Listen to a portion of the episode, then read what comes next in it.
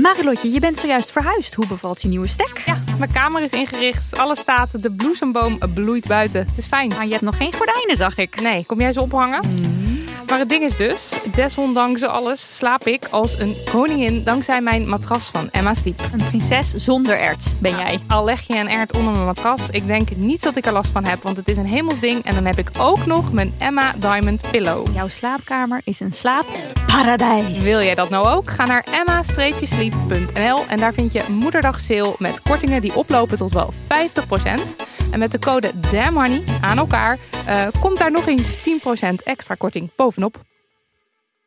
Van het koude Nova Zembla naar het warme Suriname en van Rembrandt naar Judith Leister. Ik ben Hubert Totan en in de podcast In het Rijksmuseum praat ik met specialisten over de verhalen achter mijn favoriete kunstwerken. Nieuwsgierig? Beluister nu de nieuwe afleveringen. Dag lieve luisterbuiskindertjes. Welkom bij Damn Honey.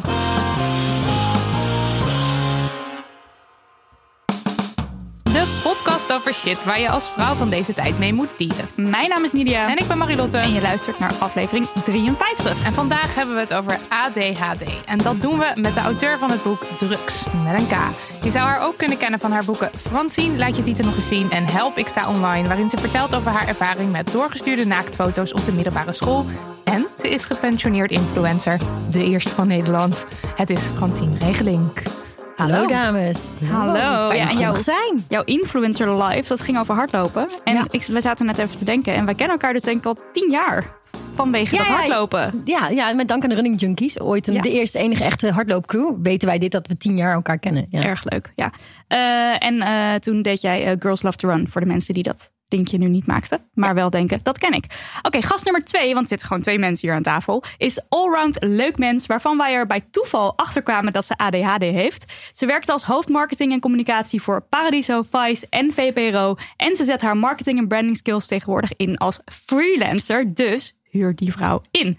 Plus ze zet momenteel haar eerste stappen op het pad van data science. Het is Carly Renwarin. Hallo! Goedemiddag. Goedemiddag, welkom. Ja, dan- dan laten we dan maar met minst feministisch beginnen, toch? Ja, dat eh, lijkt me ook, want dat hoort. Ja. Ja, zal Begin ik, jij? Zal ik beginnen? Ja, oké. Eh, mijn minst feministische. Ik betrapte mezelf erop dat ik een, een trucje doe. Steeds als ik eh, iets op het punt sta iets niet feministisch te doen. Of, of iets wat tegen mijn principes ingaat. En dan heb ik het over eh, iets als vlees eten of eh, fast fashion kopen. Of überhaupt spullen kopen die ik eigenlijk niet nodig heb, maar wel wil. En waarvan ik weet dat ik eigenlijk door dat te doen meewerk aan een soort systeem van, of een soort systeem, aan een systeem van uitbuiting en onderdrukking. En ik weet dat het niet goed is en ik moet het niet doen en ik doe het toch. Wat ik dan doe in mijn hoofd is heel erg het gaan goed praten. ehm, door te zeggen, nou ja, maar andere mensen die ik hoog heb zitten en andere feministen en andere mensen die zich ook inzetten tegen de strijd eh, of eh, voor de strijd voor gelijkwaardigheid of zo.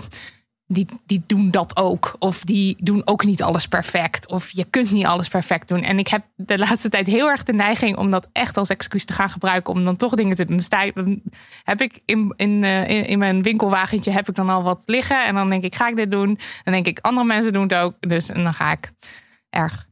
Ja, bekend loophole, toch? Ja, Goeie uitweg. nou ja, dat was het. En jij? Ja, wij waren te gast bij een talkshow. Dat was denk ik voor het eerst, hè? Dat we ook echt op de televisie, nou niet op de televisie, maar op de online televisie Op mochten. online kijkbuis. Ja, de online kijkbuis. En het was bij Dook Duikt In van Club Next. Superleuk dat we uitgenodigd waren. En eh, toen kregen we dus mailtjes van... ja, er is geen visagie, want eh, corona. En toen dacht ik dus... oh, kut, dan moet ik dat zelf doen. Eén, dat kan ik helemaal niet. En twee, ik wil niet dat die mensen denken... daar heb je weer zo'n onverzorgde feminist. Zegt de vrouw met het mooiste haar van Nederland. maar maakt Oh, echt? niet uit. Dankjewel. Hallo. Dankjewel. Mm.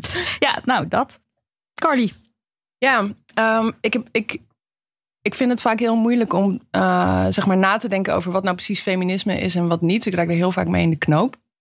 Maar ik merk het heel vaak eh, als ik eigenlijk hulp nodig heb.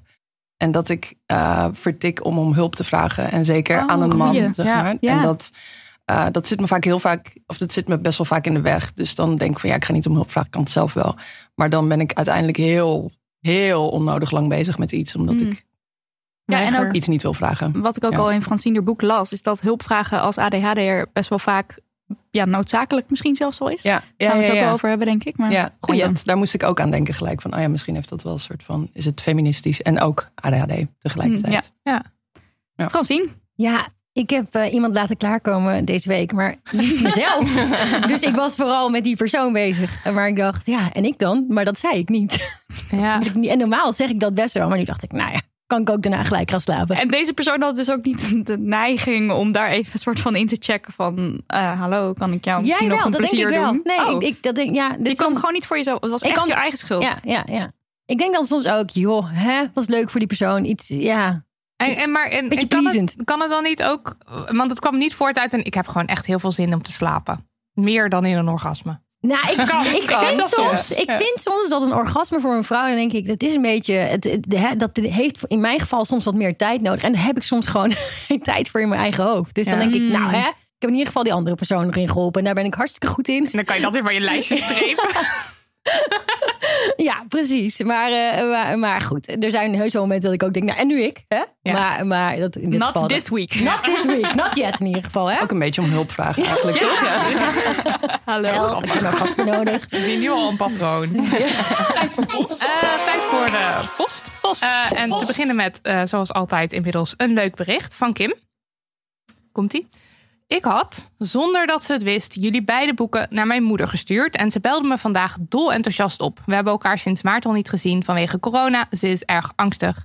Eh, en ze kwam zeggen dat ze helemaal fan is. Het was een heerlijk gesprek en jullie boeken en de podcast hebben ons echt dichter bij elkaar gebracht. Dank jullie wel. Ik had haar echt huilend aan de telefoon en ze heeft me honderdduit verteld over haar strijd voor vrouwenrechten in haar tiener- en twintiger jaren. Dat waren de jaren 70 en 80. Ik, had, ik heb net al zo hard gehuild, want ik miste haar zo. En we hebben nu echt voor het eerst in tijden lang een diepgaand gesprek gehad. Waar zij ook echt in geuren en kleuren vertelde over hoe zij haar jonge jaren heeft ervaren. Ik ben nu nog steeds helemaal emo en ik kan het niet goed uitleggen, maar ik voelde een intense verbondenheid toen we erover spraken. En in haar woorden, geen idee wat een podcast precies is, maar ik ga dit luisteren. Dit is fantastisch. Nogmaals, duizend dank namens mij en mijn lieve moeder. Nou, kippenvel, een lieve Dat brief. is toch lief. Ja. Zo lief. We zaten zo over en weer. Oh my god, oh my god, oh my god. Zo lief. Ja, geweldig. Moet je in heel veel... Ja. Oké, poststuk 1. We hebben, er, we hebben drie brieven, dus we moeten er als een razende doorheen. Hey Nidia en Marilotte. Op dit moment ben ik bezig met de master klinisch forensische psychologie. En we hadden het laatst over vrouwelijke seksoffenders. Ja, helaas zijn die er ook, maar wel goed dat ze deze groep even specifiek hebben behandeld. Want ik hoor vaak over mannen in mijn studie. En toen vroeg ik me gewoon zomaar af wat jullie mening over überhaupt vrouwen en criminaliteit is. Ik heb het idee dat er al vaak wordt gedacht aan een man bij het woord verdachte. Op zich is een verdachte ook wel vaker een man, maar eigenlijk is het heel gek. Ook krijgen vrouwen soms lagere celstraffen dan mannen voor soortgelijke delicten. Zie bijvoorbeeld het onderzoek met studentrechters van Bijleveld en Elvers uit 2010. Ik zal het in de show notes zetten. Of een artikel uit Mare waarin criminoloog Sigrid van Wingerden zegt dat de celstraf voor moord of doodslag bij vrouwen gemiddeld 1,7 jaar korter is dan bij mannen. Wat vinden jullie ervan dat vrouwen minder lang de gevangenis ingaan dan mannen? Een van de verklaringen die ook wel wordt genoemd door Van Wingerden is dat vrouwen voor de kinderen zorgen, dus zorgtaken, zorgtaken hebben. Wat? Ja, wat, wat jullie ervan. Wat, vinden jullie oh, wat ervan? vinden jullie ervan dat een zorgtaak meegenomen wordt in het oordeel van de rechter? Of zou deze ook door iemand anders overgenomen kunnen worden, zodat de vrouw een rechtvaardige straf kan krijgen? Denken jullie dat vrouwen even gevaarlijk kunnen zijn als mannen? Het is misschien niet per se een positief punt waarop we het over gelijkheid hebben, maar ik wilde dit toch ook belichten. Als we gelijkheid willen, zou het toch logischer zijn als vrouwelijke moordenaars even lang de gevangenis ingaan, mits de omstandigheden rondom het delict natuurlijk vergelijkbaar zijn met die van een mannelijke moordenaar. Natuurlijk zijn er altijd uitzonderingen en wil ik ook niet alles zwart-wit zien, maar ik was gewoon benieuwd naar jullie mening erover. Liefs Rosanna. Onze mening is denk ik redelijk vrij duidelijk. Natuurlijk moeten die straffen gelijkwaardig zijn. Ik vind het heel gek dat een rechter dan denkt... Oké, ja, de, de vrouwtjes die moeten, die moeten boodschappen doen en zorgen voor de kinderen. Dus die geven me een lagere straf. Ja, heel bizar. Ja, ik was, meer, ik was me helemaal niet bewust dat dat strafverschil er was. Ik dus, ook dus, niet. eh, dus, eh, en ergens denk je dan vrij gauw, oh ja, en nou ja, vrouwen doen ook dingen, delicten Ja, die ja. Daar, ik, dit zette me even aan het denken, maar ik had er nog niet echt een mening over. Ja, tuurlijk wil je gelijk zeggen, hè, gelijk.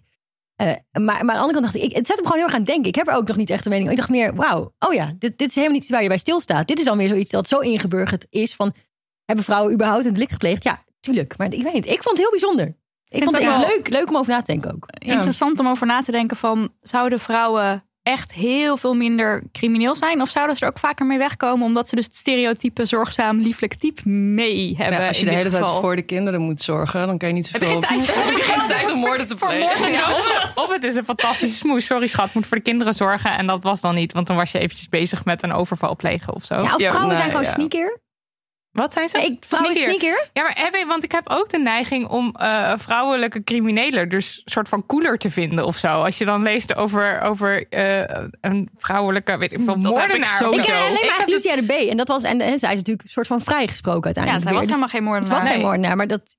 Tenminste, ja, dat kunnen we niet. Ik weet En niet ze werd heel erg geportretteerd als een soort heks, hè? Dat is ook, heel, dat is ook interessant. Zij Ja. werd echt Ja. neergezet als een soort heel eh, eng... eh, Eng wijf. ja. Ik, ik moet nu gewoon. Nou, het is omdat ik gisteren een aflevering heb gekeken van Killing Eve weer. Maar dat ik Villanelle gewoon zo cool vind. Ja. Terwijl die hartstikke, hartstikke dingen doet die niet door de beugel kan. Beste luister, buiskindertjes. Ehm, dus eh, ik vind het wel apart dat ik dat, ik dat dan zo i- i- ide- ideal, i- idool, idoliseer. Idealiseer? Idealiseer. Idealiseer. Ja. Ja. En wij hebben ook wel eens gezegd aan de keukentafel, volgens mij, dat, we, dat het goed, dat, dat er misschien pas echt gelijkwaardigheid Dit klopt is. niet. Dit neem ik nu al terug.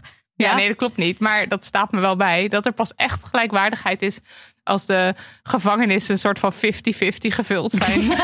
mannen en vrouwen. Ook het gebouw zelf bedoel je? Ja, de, de, de, de, de gevangenen die daar dan zouden zitten.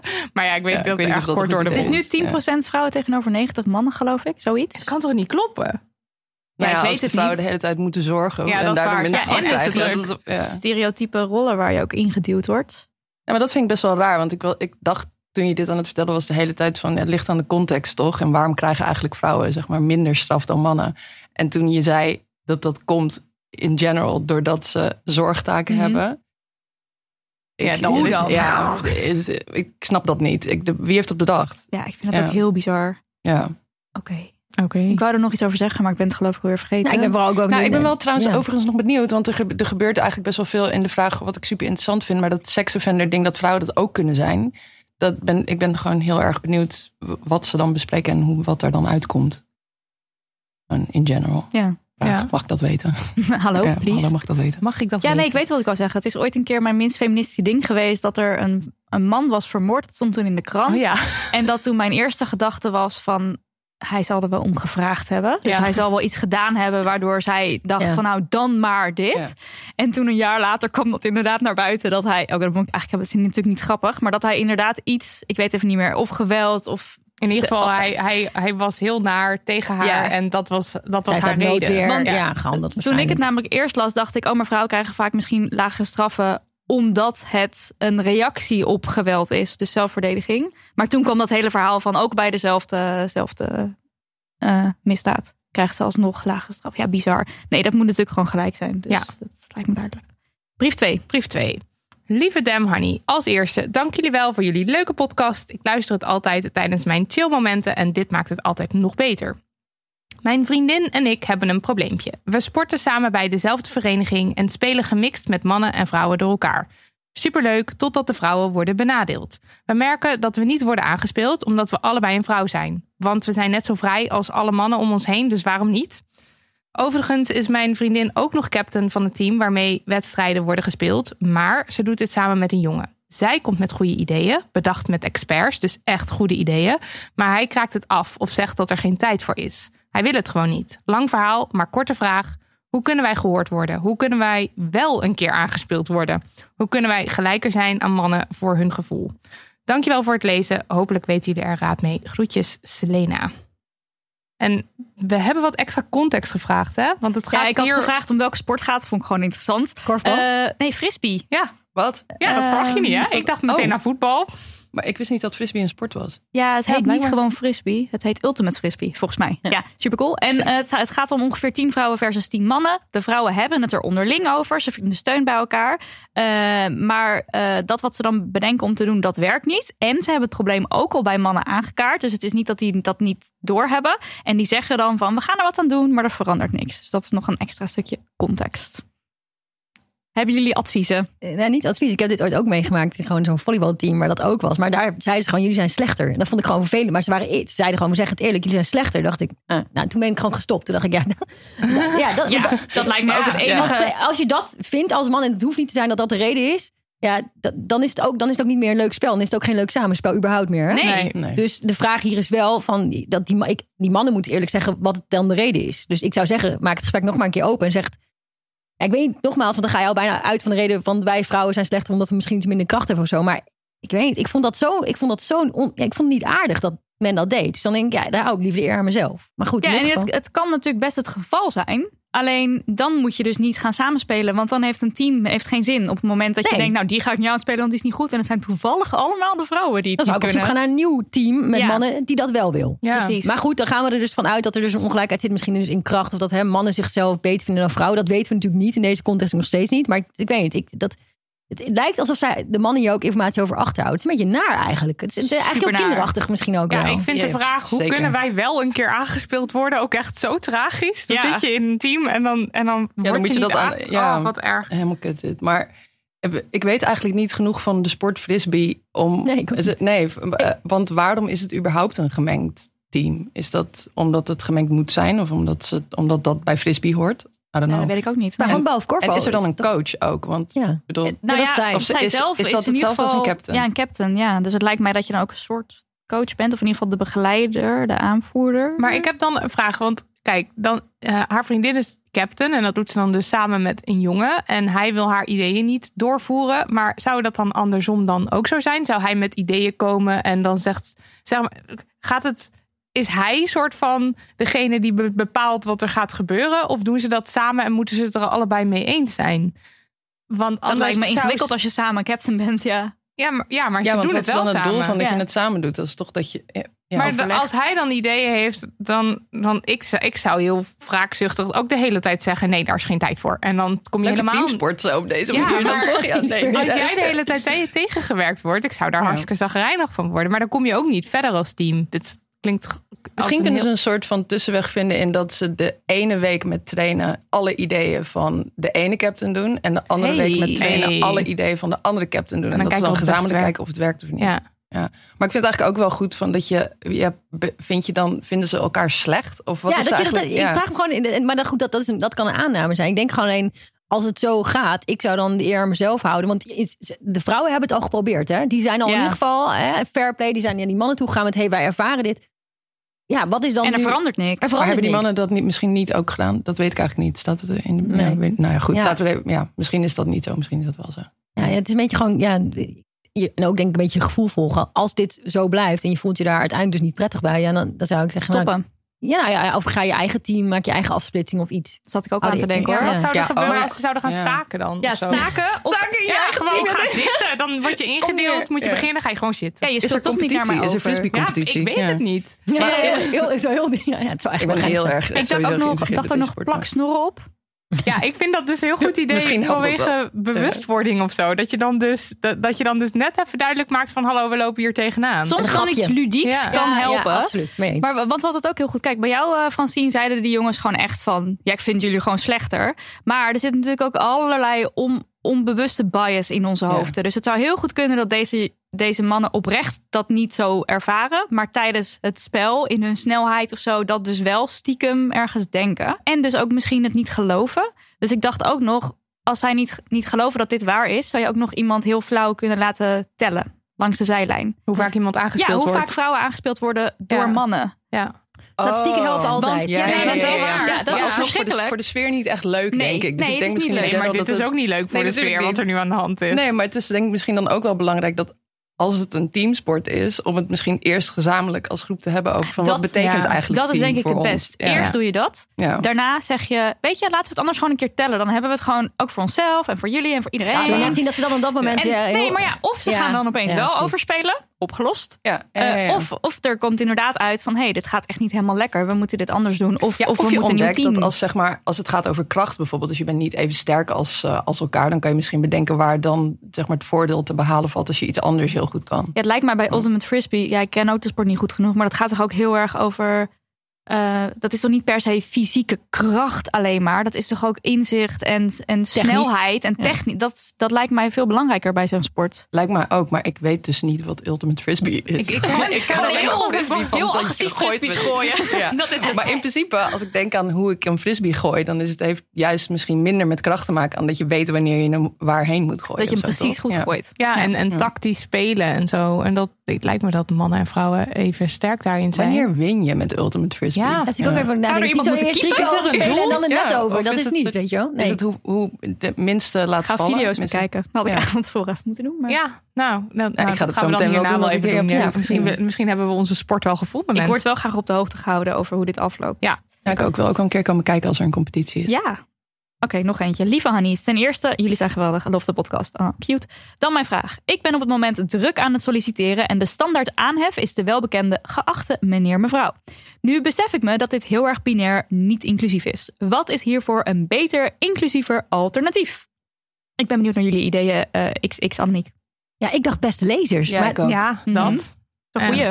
En, en je kan het specifieker maken. Eh, beste leden van de sollicitatiecommissie. Als, je, en als er een commissie is. Ja. Eh, ik, ik schrijf zelf altijd mijn brieven super informeel. Dus dat is echt hallo beste mensen.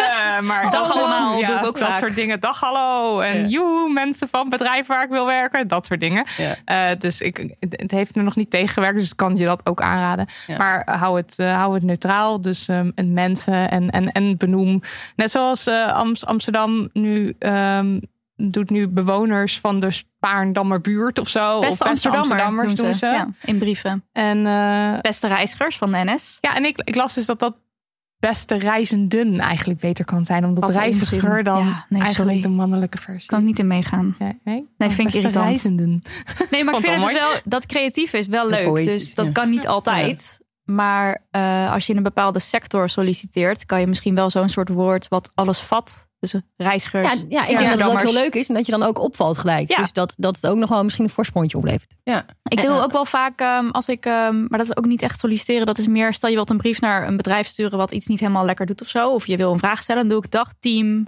En dan het, Ah, dus ja. dag en nacht media zitten we nu. Dag team, dag en nacht media, om maar wat te zeggen. Dan heb je zo het hele team. Ja. Ja. En je kan natuurlijk ook, ehm, maar daar zijn mensen niet aan gewend. En daarom doen ze het denk ik niet. Het is heel simpel. Geachte meneer, mevrouw, slash persoon. Want persoon is dan de, Is de, een non-binaire de non-binaire versie. term. Ja. Ja.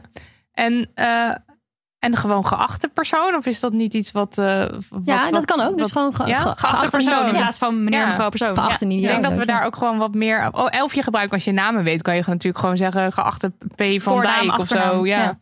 En dan, Geachte Marilotte Hagen. Ja, Geachte in plaats van Ja. geachte mevrouw Ja. Hagen.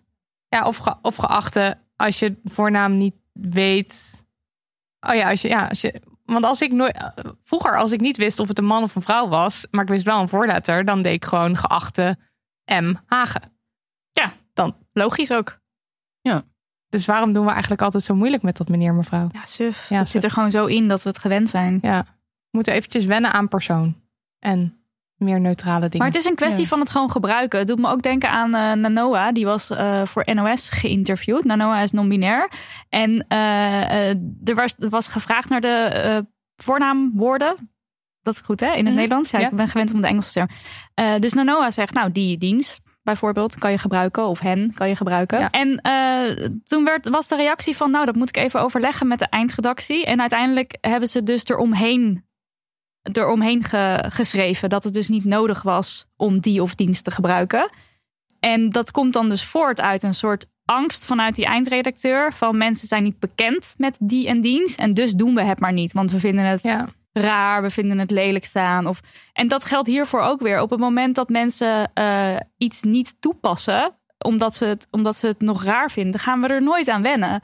En Ja, dan e- eigenlijk erken je dan ook niet dat het bestaat. het is echt, ja, dit is natuurlijk echt een mega, nou, steek onder boven water bijna, eh, ook voor oh, Nanoa. wil je dienst? Oh, maar dat ga ik niet doen. Ik doe wel gewoon persoon. Dat kan Zo, toch ja. niet? Nee. Eh, eh, eh, Nee. Dan ga je als NOS een artikel daarover schrijven, eh, gaat er aandacht aan, en dan ga je dat gewoon iemand, iemand Ja, dat maakt en het ook NOS nog is eigenlijk in de perfecte positie om te bepalen dat dat gebruikt kan worden. Ja, om het ook even uit te Ja. leggen. Je kan gewoon een kadertje schrijven voor mensen die niet bekend zijn met de voornaamwoorden. Nou, nou gebruik die dienst. Dat is wat fijn is als je. De- het is Maar juist het het, moment lastige- om het te gebruiken. En dat Ja, is hier ook mensen op natuurlijk te leiden weer. eigenlijk. ja. Die dat, die Maar dat het, en, en bij Wikipedia is dat volgens mij ook aan de hand. Want daar, omdat hen Oh, hun ja. niet klopt, eh, zeg maar taaltechnisch gezien niet, Mhm. eh, willen, ze, willen ze dat dus eigenlijk ook niet gebruiken. Zelfs niet als mensen dus eh, duidelijk zeggen hen, hun zijn mijn voornaamwoorden. Dus dan gaan ze de hele tijd iemands naam gebruiken om daar maar zoveel mogelijk omheen te werken. Volgens mij Dus Ik, dat zag taal je bent ik ben- echt super slecht met taal, ook al schrijf ik boeken, sorry mensen, maar eh, hoe je het toepast. Dus als voor. iemand me even een soort van hè, de taalregel daarin uitlegt, bewijs van, dat zou het ook al handig zijn. Nou ja, en voor jullie dus- zie ik gelijk een nieuw bedrijfsidee. Dat jullie gewoon bedrijven daarin gaan adviseren. Hoe kun je workshops, hoe kunnen we jullie allemaal inclusiever maken? En dat je gewoon begint. Nou, hoe zou je dat Ik taal zou zeggen, koop allemaal ons boek. Cursus Heb je nou een vriend? Ja. Ja. Daar leggen we het in uit, geloof ik. Eh, en luister ook vooral naar de Genderquibus podcast van Nanoa zelf. Die er ook Ja. echt heel goed gewoon over, uit, over kan praten. Eh, maar wees ook niet bang om een vraag te stellen. Want als jij als eindredacteur denkt van... oh, maar dit vind ik nog een beetje raar. Ik weet niet zo goed hoe ik het toe moet passen. Ja. Dan mag je dat aan Nanoa vragen. En dan kan Nanoa altijd nog zeggen van... sorry, maar ik ben niet degene die jou daarover moet eh, educaten. Daar moet je even maar zelf induiken. Dat kan natuurlijk ook een antwoord zijn. Ja. Dat is ook helemaal terecht.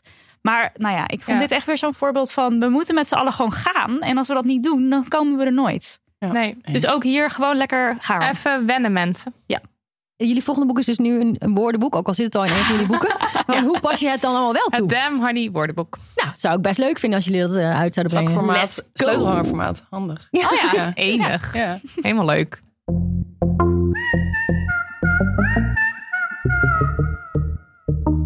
Dan nu even de volle spotlight op onze sponsor, Pabo bij Beate Oese. Vorige aflevering hoorde je ons over onze ervaringen met de Meta Rabbit en de Basewand vibrators uit de vers gelanceerde PMV 20-lijn. Ja, en voor deze aflevering doken we pabo.nl nog maar een keertje op om eens te kijken van waar gaan onze harten nog meer sneller van kloppen. Onze harten, ja, waar ze sneller van gaan pulseren. Ja, en in onze eerste eh, ad hadden we het even over, de, over zo'n vibrerend ei wat ze verkopen. En dat ding ging maar niet uit onze hoofden, dus wij toch maar weer eventjes daarop eh, zoeken, Ja. rondneuzen. Ja, en dan blijkt er dus ook zoiets te bestaan als een vibrerende string. Of een vibrerende tanga-slip. En eh, dat is dus, dat is dus een, een, een onderbroekje waar je een mini. Onderbroekje. Een onderbroekje. Een onderbroek eh, waar je mini vibrator in kan leggen.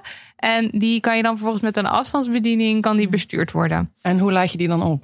Met een USB-kabel. Ja. Goeie vraag Eh, eh? trouwens. Ja. Dus je stopt je onderbroek in een... Nee, wacht. De, de onderbroek is gewoon een onderbroek. Ja, Zover ja. wij nu weten. hè? Appa- apparaatje waarschijnlijk. Ja, en en dan je legt het erin. een apparaatje leg je erin. Oh, ja. en die is En met die een kun je USB. opladen. Ja. Maar luister even naar deze vijf sterren recensie, waardoor wij erg Ja, ja, ja, enthousiast werden. Een topproduct. Ik heb mijn vriend de afstandsbediening gegeven. We zijn gisteren uit gaan eten. Ja. Ik ben in drie uur zes, uitroeptekens, eh klaar, klaargekomen. Ik kwam lekker uitgeput thuis, maar mijn vriend wilde me toch zelf nog even verwennen. Wat een heerlijke avond. Ja, en nu zijn we dus op Vijf sterren avond. We zijn idee. met dat ding. Dus jullie hebben hem nu ook aan? Dat was heel Heel leuk erg geweest. Oh my god, het zou heel grappig zijn, ja. Ja, nou ja, Maar tijdens Ja. uiteten. Ja, Tijdens uiteten? Maar is het niet uit Sex and the City? Is het ook ja, een dat is aflevering? volgens mij een ding, ja. Dat, Dat- dat, en, dan, en dan zit Samantha of zo, zo helemaal klaar, klaarkomend Ja, in, in, in mijn dat- in restaurant. een restaurant. Ik, het is me altijd bijgebleven en nu wil ik het. Ja, ja ik Ja. ook. Doe. Hiervoor dus, voor vibrerende tanga slips en meer leuks om meer van seks te genieten, ga naar pabo.nl. Met promocode DAMHoney10 krijg je 10% korting als je bestelling boven de 50 euro uitkomt. Ja, en dat is 10 in cijfers, dus damhoney 10. Yes, honey. Pabo.nl.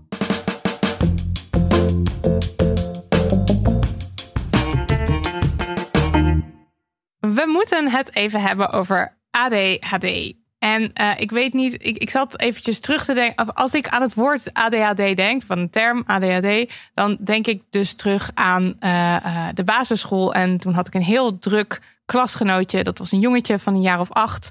En ik denk eerlijk gezegd dat dat een beetje het standaardbeeld is van wat mensen hebben als ze denken aan mensen met ADHD.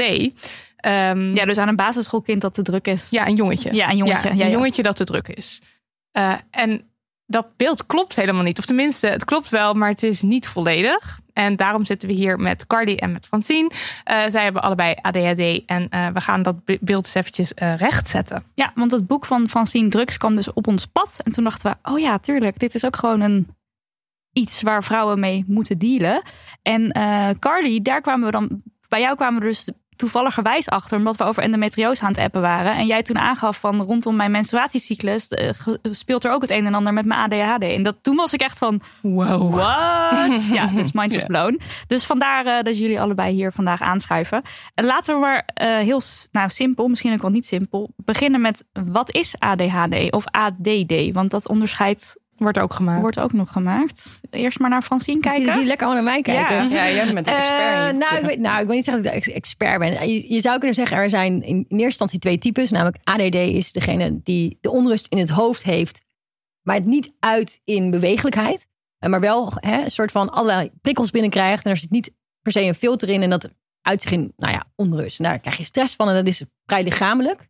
Ehm, maar er zit een hele mooie kant aan ADD. ADD is dat je observerend bent. Dat je ook echt, je ziet alles. Je krijgt allemaal dingen mee die andere mensen niet meekrijgen.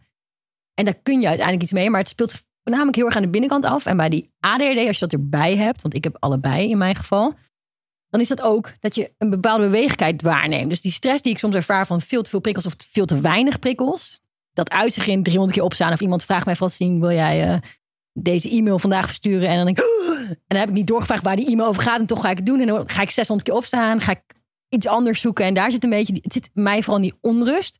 Ehm, en dat is waarneembaar voor de buitenwereld. Maar Ja. nog steeds, ook al is dat heel goed voor jullie waarnemer als ik onrustig ben, speelt het voor 90% zich aan de binnenkant af. Hm. Eh, ja, en ik vind overal iets van, ik voel overal iets bij. Ik denk dat dat, dat het voor mij heel erg is. En, ehm, en misschien het grootste stereotype, en dat zul jij misschien ook wel ervaren, is... eh, ik kan prima stilzitten als ik dat wil. Moet het gewoon interessant genoeg zijn, zoals vandaag. Dit is heel interessant. Dan heb je me, en dan wil ik prima blijven zitten.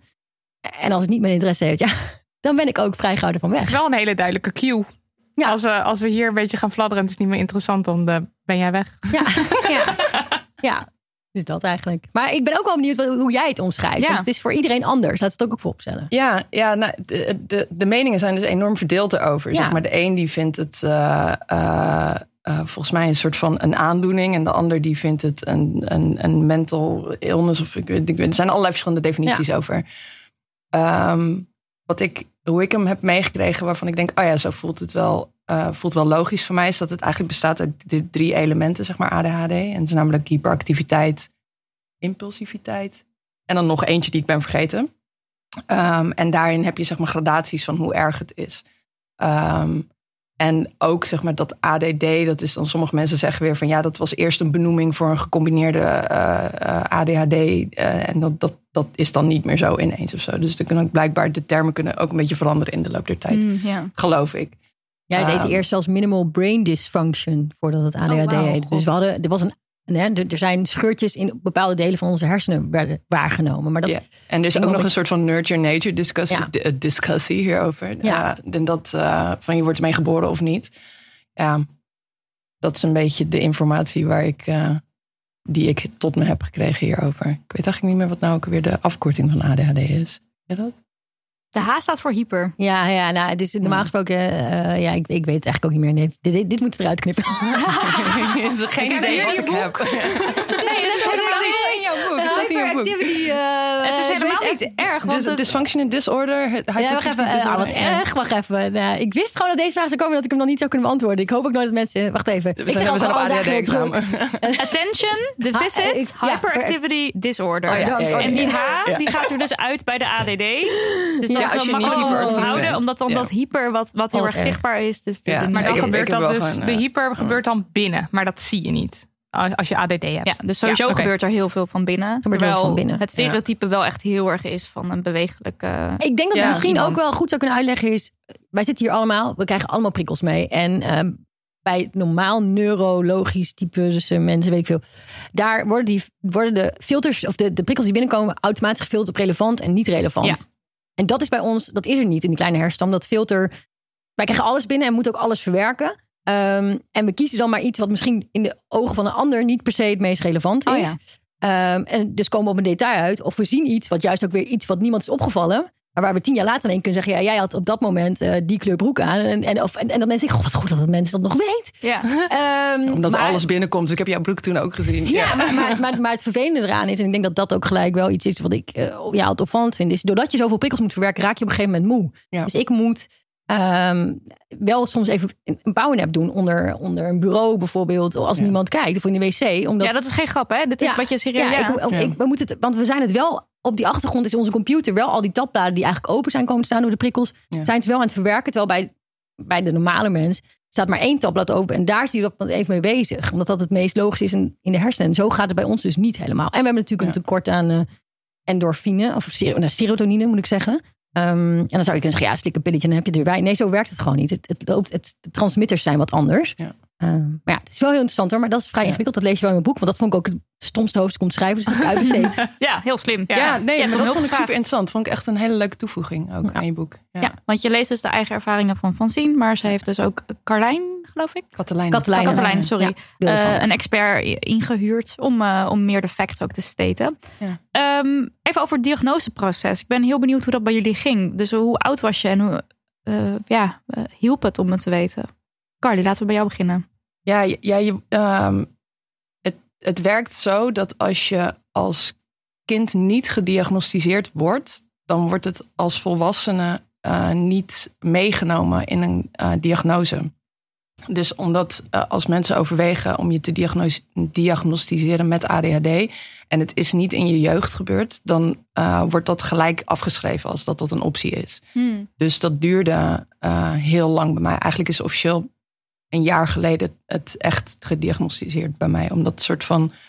ehm, ja, ja. moet vanaf kind af aan aanwezig zijn geweest. Volgens de symptoom. DSM-5, toch? ja, Dat en dan moet je dus met- officieel die diagnose hebben gekregen. En anders dan heb je geen ADHD als het niet zeg maar in je jeugd is gebeurd. Maar het is toch Ja. niet zo. Want ik neem aan dat jij het in je jeugd ook al had. Of is het iets wat je later kan ontwikkelen? Nee, nee, nee. Ik, heb niet, ik ken mezelf niet anders als dit. dit Nee, is gewoon, ik heb oké. het altijd En al dat is gehad. gewoon Ja. niet opgepikt toen. Nou, je- ik, ik herinner me wel dat het ter sprake is gekomen. Ehm, maar dat is natuurlijk geen diagnose als iets ter sprake komt. Ehm, maar het is in ieder geval niet de, zeg maar de, de Carly-administratie ingegaan als dat het later ook nog van pas kwam. Dus Nee, ik heb nooit officiële Op welke leeftijd had je dan dus wel de diagnose?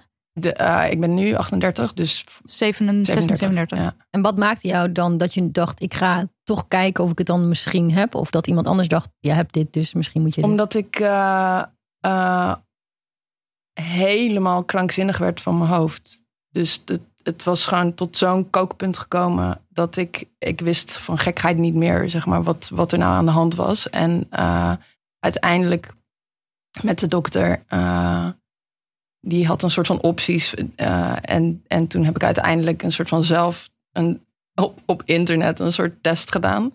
Ehm, en daar kwam ADHD uit. En toen zei ik tegen de huisarts van ja, is het niet misschien, is dat het niet misschien wat er aan de hand is? En toen zei ze van nou ja, ga maar naar, eh, misschien wel, ga maar naar zo'n centrum. En, eh, en daar is het toen gediagnosticeerd. En dan ga je, ik heb niet dezelfde gedaan als die jij hebt gedaan. Ik heb ADHD centraal, Ja. eh, heet dat. En dan ga je dus echt zo'n hele mangel door. Dus dan ga je met een, een psycholoog, een psychiater en een verpleegkundige gaan praten, geloof ik. En dan krijg je zo'n soort hele ingewikkelde ding op je kop. En dan moet je naar een scherm kijken. En eh, toen was ik met vlag en wimpel geslaagd voor ADHD. Dus dat, ja. Echt, yes. knetterend. Ja, nee, je hebt dus zeg maar die, daar eh, vertelden ze dat je die drie verschillende ehm, onderdelen hebt. En eh, twee daarvan was mijn score te hoog voor wat ze kunnen meten. En eentje was gewoon ja, normaal ADHD, whatever that may mean. En ehm, ja, en toen was het dus gediagnosticeerd. En dus dat, dat, dat kan als het dus. Het zit, ik, ik snap gewoon eigenlijk niet zo goed waarom dat zo is. Maar als je dus als kind niet officieel gediagnosticeerd wordt, dan kan je dus de rest van je leven daarmee doorlopen. En dat niemand eh, de- bedenkt dat dat een optie is, omdat het niet in je dossier staat dat het als kind gediagnosticeerd is. Terwijl jongens- en meisjesdiagnoses ook, ook best wel anders kunnen zijn hierover. Zeg maar hoe het zich uit in ieder geval. Dat het bij jongetjes zich anders uit dan bij Ja. meisjes. Ja. Bij meisjes is het vaak een soort van eh, het aangenomen dat een beetje druk zijn en veel praten al hoort bij het zijn van een Kletsen, meisje. ja. Ja, kletsen. Kletsen. Sociaal. Ja. Ja. het sociaal zijn. En bij een jongetje dat heel veel kletsen en sociaal zijn, past het niet bij het jongetje zijn per se. Dus valt het eerder op. Ja, ja. Ehm, maar ja, dat, dat is het eigenlijk. Maar wat jij ook Ja. zegt, ik ken mezelf ook niet anders dan hoe ik me al, al, altijd al heb gevoeld. Precies. En bij mij is Ja. het door de schoolarts al wel gewaardeerd of geconcludeerd. Maar mijn ouders zijn, nee hoor, ze is gewoon wat drukker dan de rest. Doet het op een andere manier, maar ze komt er ook. Alleen je moet het haar op haar manier laten doen. Ja. Ehm, en mijn ouders hebben het op een goede manier ontkend. Maar het was ook in die tijd dat, dat, dat ik ben eh, 34. het was niet iets wat zo, zo common is als dat het nu is ook. Hè. Het, wordt nu, het valt nu Ja, weer op. klopt. Maar ik krijg wel, ik krijg mails per dag, 30 nog steeds. Naar aanleiding van, van allemaal vrouwen van rond de 52. Had ik het maar eerder geweten, het was zo'n verademing geweest. Ja, want het ja. is, ja, het, het- is, het is nooit. Ik, ik kom nu pas thuis met het feit dat, dat, dat ik dit heb. En denk, oh ja, ja dat, het niet weten zo lang lijkt me nog veel frustrerender. Maar aan de andere kant hadden we de diagnose op onze 16e leeftijd gekregen. En waren we gelijk voorzien van de medicatie. Dan was ik daar misschien ook niet heel blij mee geweest. Want dan had ik het, nou, als ik wat ouder was geweest, als excuus gebruik dingen niet hoef te doen. Ja. Autorijden, blind leren typen, had ik allemaal wel Oh ja, opgegeven. tuurlijk, ja. Omdat het veel te veel, voor mij, voor de meeste mensen heel logisch, voor mij heel onlogisch voelde. Dus mijn ouders hebben, juist door dat eigenlijk soort van niet te benoemen en gewoon maar me te laten zijn, me heel ver gebracht. Ja, ik moest soms echt 10.000 keer langer over dingen doen. Of ik was er juist 10.000 keer sneller. Maar dat was dan weer niet de gangbare manier en daar word je dan in afgewezen. Dus Ja, dat was ja, ook ja, ja. frustrerend eraan. Maar ja, ik, ik kon op een gegeven moment ook niet eromheen dat ik het had. Dus ik heb me wel laten diagnosticeren, omdat ik dacht, ja, hoe kan het nou dat elke vier Maar jij was jij? jouw. Oh, sorry. Ja, ik was 28. 28, ja, dus ook, wat, ook later. Ja, veel later. Ja. toen mijn leven. Voor, ik had elke keer dat ik dacht, ik kan het niet vasthouden. Net zoals bepaalde gedachten die ik heb, als ik ze niet opschrijf, kan ik ze niet vasthouden. Dat had ik met bepaalde levensfases ook. Dat ik dacht, ik heb nu toch een huis. Ik heb nu toch een vriend. Ik heb nu toch een goede baan. En dan zat ik er en dan had ik het eindelijk voor elkaar. En dan echt in één week tijd, wat ik dan vier jaar had opgebouwd, dat knapte zo weer in elkaar. En dat en dat, dat elke vier jaar gebeurde. Dan noem ik een IKEA-moment. Dan stond ik weer in IKEA dacht ik, ik heb hier toch al gestaan. Ik had toch al een huis. Ja, dat, en, en toen dacht ik, dan is IKEA heel handig iets. eh, is dat je denkt, oké, IKEA weet in ieder geval, dus laten we het pad zien. Oké, zo bouw ik mijn huis weer op. Dus Ja, een ja, soort ja. van terug naar de basis. Eh, wat heel kinderachtig is natuurlijk. Maar ik dacht wel, dat niet kunnen vasthouden. Dat het zomaar ineen stort. Terwijl ik eerst nog heel erg lekker zit op een stoel. En dat een, ja, in een week tijd zit ik gewoon op de grond. Dat, en dat, ik heb de afgelopen jaar zat ik ook weer op zo'n punt dat ik dacht, wow, gaan we weer. En met IKEA-moment bedoel je dus alles weer opnieuw opstarten. eh, hele leven overhoop, weer vanaf nul en, beginnen. En, en dat, daar zullen normale mensen dan zeggen, jezus wat veel. En ik denk, nou, ik ben er intens goed in geworden. Lekker een nieuw blaadje. Ik ga weer opnieuw. Dit kan ik. Dit ja, kan dit ik kan heel ik. goed. Dit ken Ja, ik. En dit ik ga het gewoon, eh, ja, ik heb er zin in. Dit dagen we dan weer uit. is dat ineenstorten bij jou, is dat iets wat je herkent, Carly? Ehm, de- eh, ehm, met een iets andere nuance in de zin dat ik ehm, vaak denk... het is makkelijker dan deze rotzooi opruimen soms. ja. Ja, dat is eigenlijk Ja. heel goed om te zeggen. Ja, net zoals Dus- van als, als je soms, ik had van de week eh, een gesprek eh, over, over afwas. En dat, dat je ook denkt van ja, je, soms heb je gewoon zin dat je geen afwas hebt en dat je gewoon alles maar de hele tijd Gewoon weggooit en nieuwe Gewoon dingen nieuw koopt. koopt. Ja. Ja. En soms kan ik dat gevoel ook wel een klein beetje hebben met, met ADHD-contexten. Zeg maar Ja. van oh, pff, ik, ik begin liever opnieuw met iets dan Ja. dat ik dit een soort van ga proberen op te lossen. ja, ik heb echt Ja. zo vaak gedacht, ik ga wel naar het buitenland. Begin ik daar weer opnieuw, kom ik over vier terug. Is hier al mijn shit opgeruimd door iemand anders. En Door iemand anders. Ja, ja, ja, zo. En, ik ga gewoon even wachten ergens anders. Francine, voor jou, jij zegt dus van nou, mijn ouders die hebben me daar echt heel erg goed in eh, ondersteund. En die hebben het nooit echt zo op mij geplakt, dat label. Ik ben daar zelf later wel blij mee dat ik het nu heb. Bij jou, Carly, ehm, had je het liever eerder al zo duidelijk willen weten? Ik heb daar vaak over nagedacht, maar ik weet het eigenlijk niet. Want eh, ik ben wel noodgedwongen heel goed geworden in een, eh, in een x aantal dingen. Ja. Eh, tegelijkertijd, toen ik voor het eerst medicatie nam, dus tijdens die diagnose. ehm, toen ik moest, ik nu word ik nu weer emotioneel van. de verpleegkundige die vroeg na afloop aan mij van ja, hoe voel je je nu? En toen zei ik van wat zo'n zo'n zoiets anders. En toen zei ze, ja, dit is dus hoe normale hersenen werken. En toen ik omschreef wat er aan de hand was. En ik vond het zo zielig voor mezelf dat ik dat Mhm. tot dan toen niet op die manier had ervaren. En zeg maar alles waar je tegenaan loopt met niet normale hersens hebben. Neurotypisch. ehm, is gewoon op 28, of als je 37 bent, is gewoon best wel eh, tragisch ook Ja. ergens of zo. Ehm, ehm, want bij mij kwam het, die diagnose. Ik, ik heb het aller, allermeeste moeite met zeg maar gewoon emoties verwerken. En dat kan hem in alles zitten. Zo van "Oh, dit koekje dat kruimelt heel erg. En daar kan ik dan heel erg mee bezig zijn. En eh, die, die processor werkt bij mij gewoon eh, Dag en nacht eigenlijk. Als je dag en nacht. Ja. Maar dus is dus ook de hele tijd oververhit. Omdat hij de hele tijd aan, aan het stomen is, zeg maar. En ehm, dat is gewoon heel vermoeiend en Mhm. niet leuk. En eh, als dat zich opstapelt, ook omdat je hebt niet elke dag zin om daarmee bezig te zijn, dan kan het zijn dat er een soort van achterstallige dingen door die processor heen moeten. En dat, dat is bij mij eh, stapelde zich dat heel vaak heel erg op. Ehm, waardoor mijn IKEA-moment vaak meer was van ja, dan, dan had ik gewoon eh, een soort van kermis in mijn kop die ik niet meer stil kon Ja, krijgen. denkdiarree noem ik het. Maar het is een beetje een soort van... Ja. Ja. Ja, en dat je dan gewoon zo. Ik weet niet meer hoe, hoe ik dit stil krijg. En ehm, dat, Was er iets waar je naar kon teruggrijpen?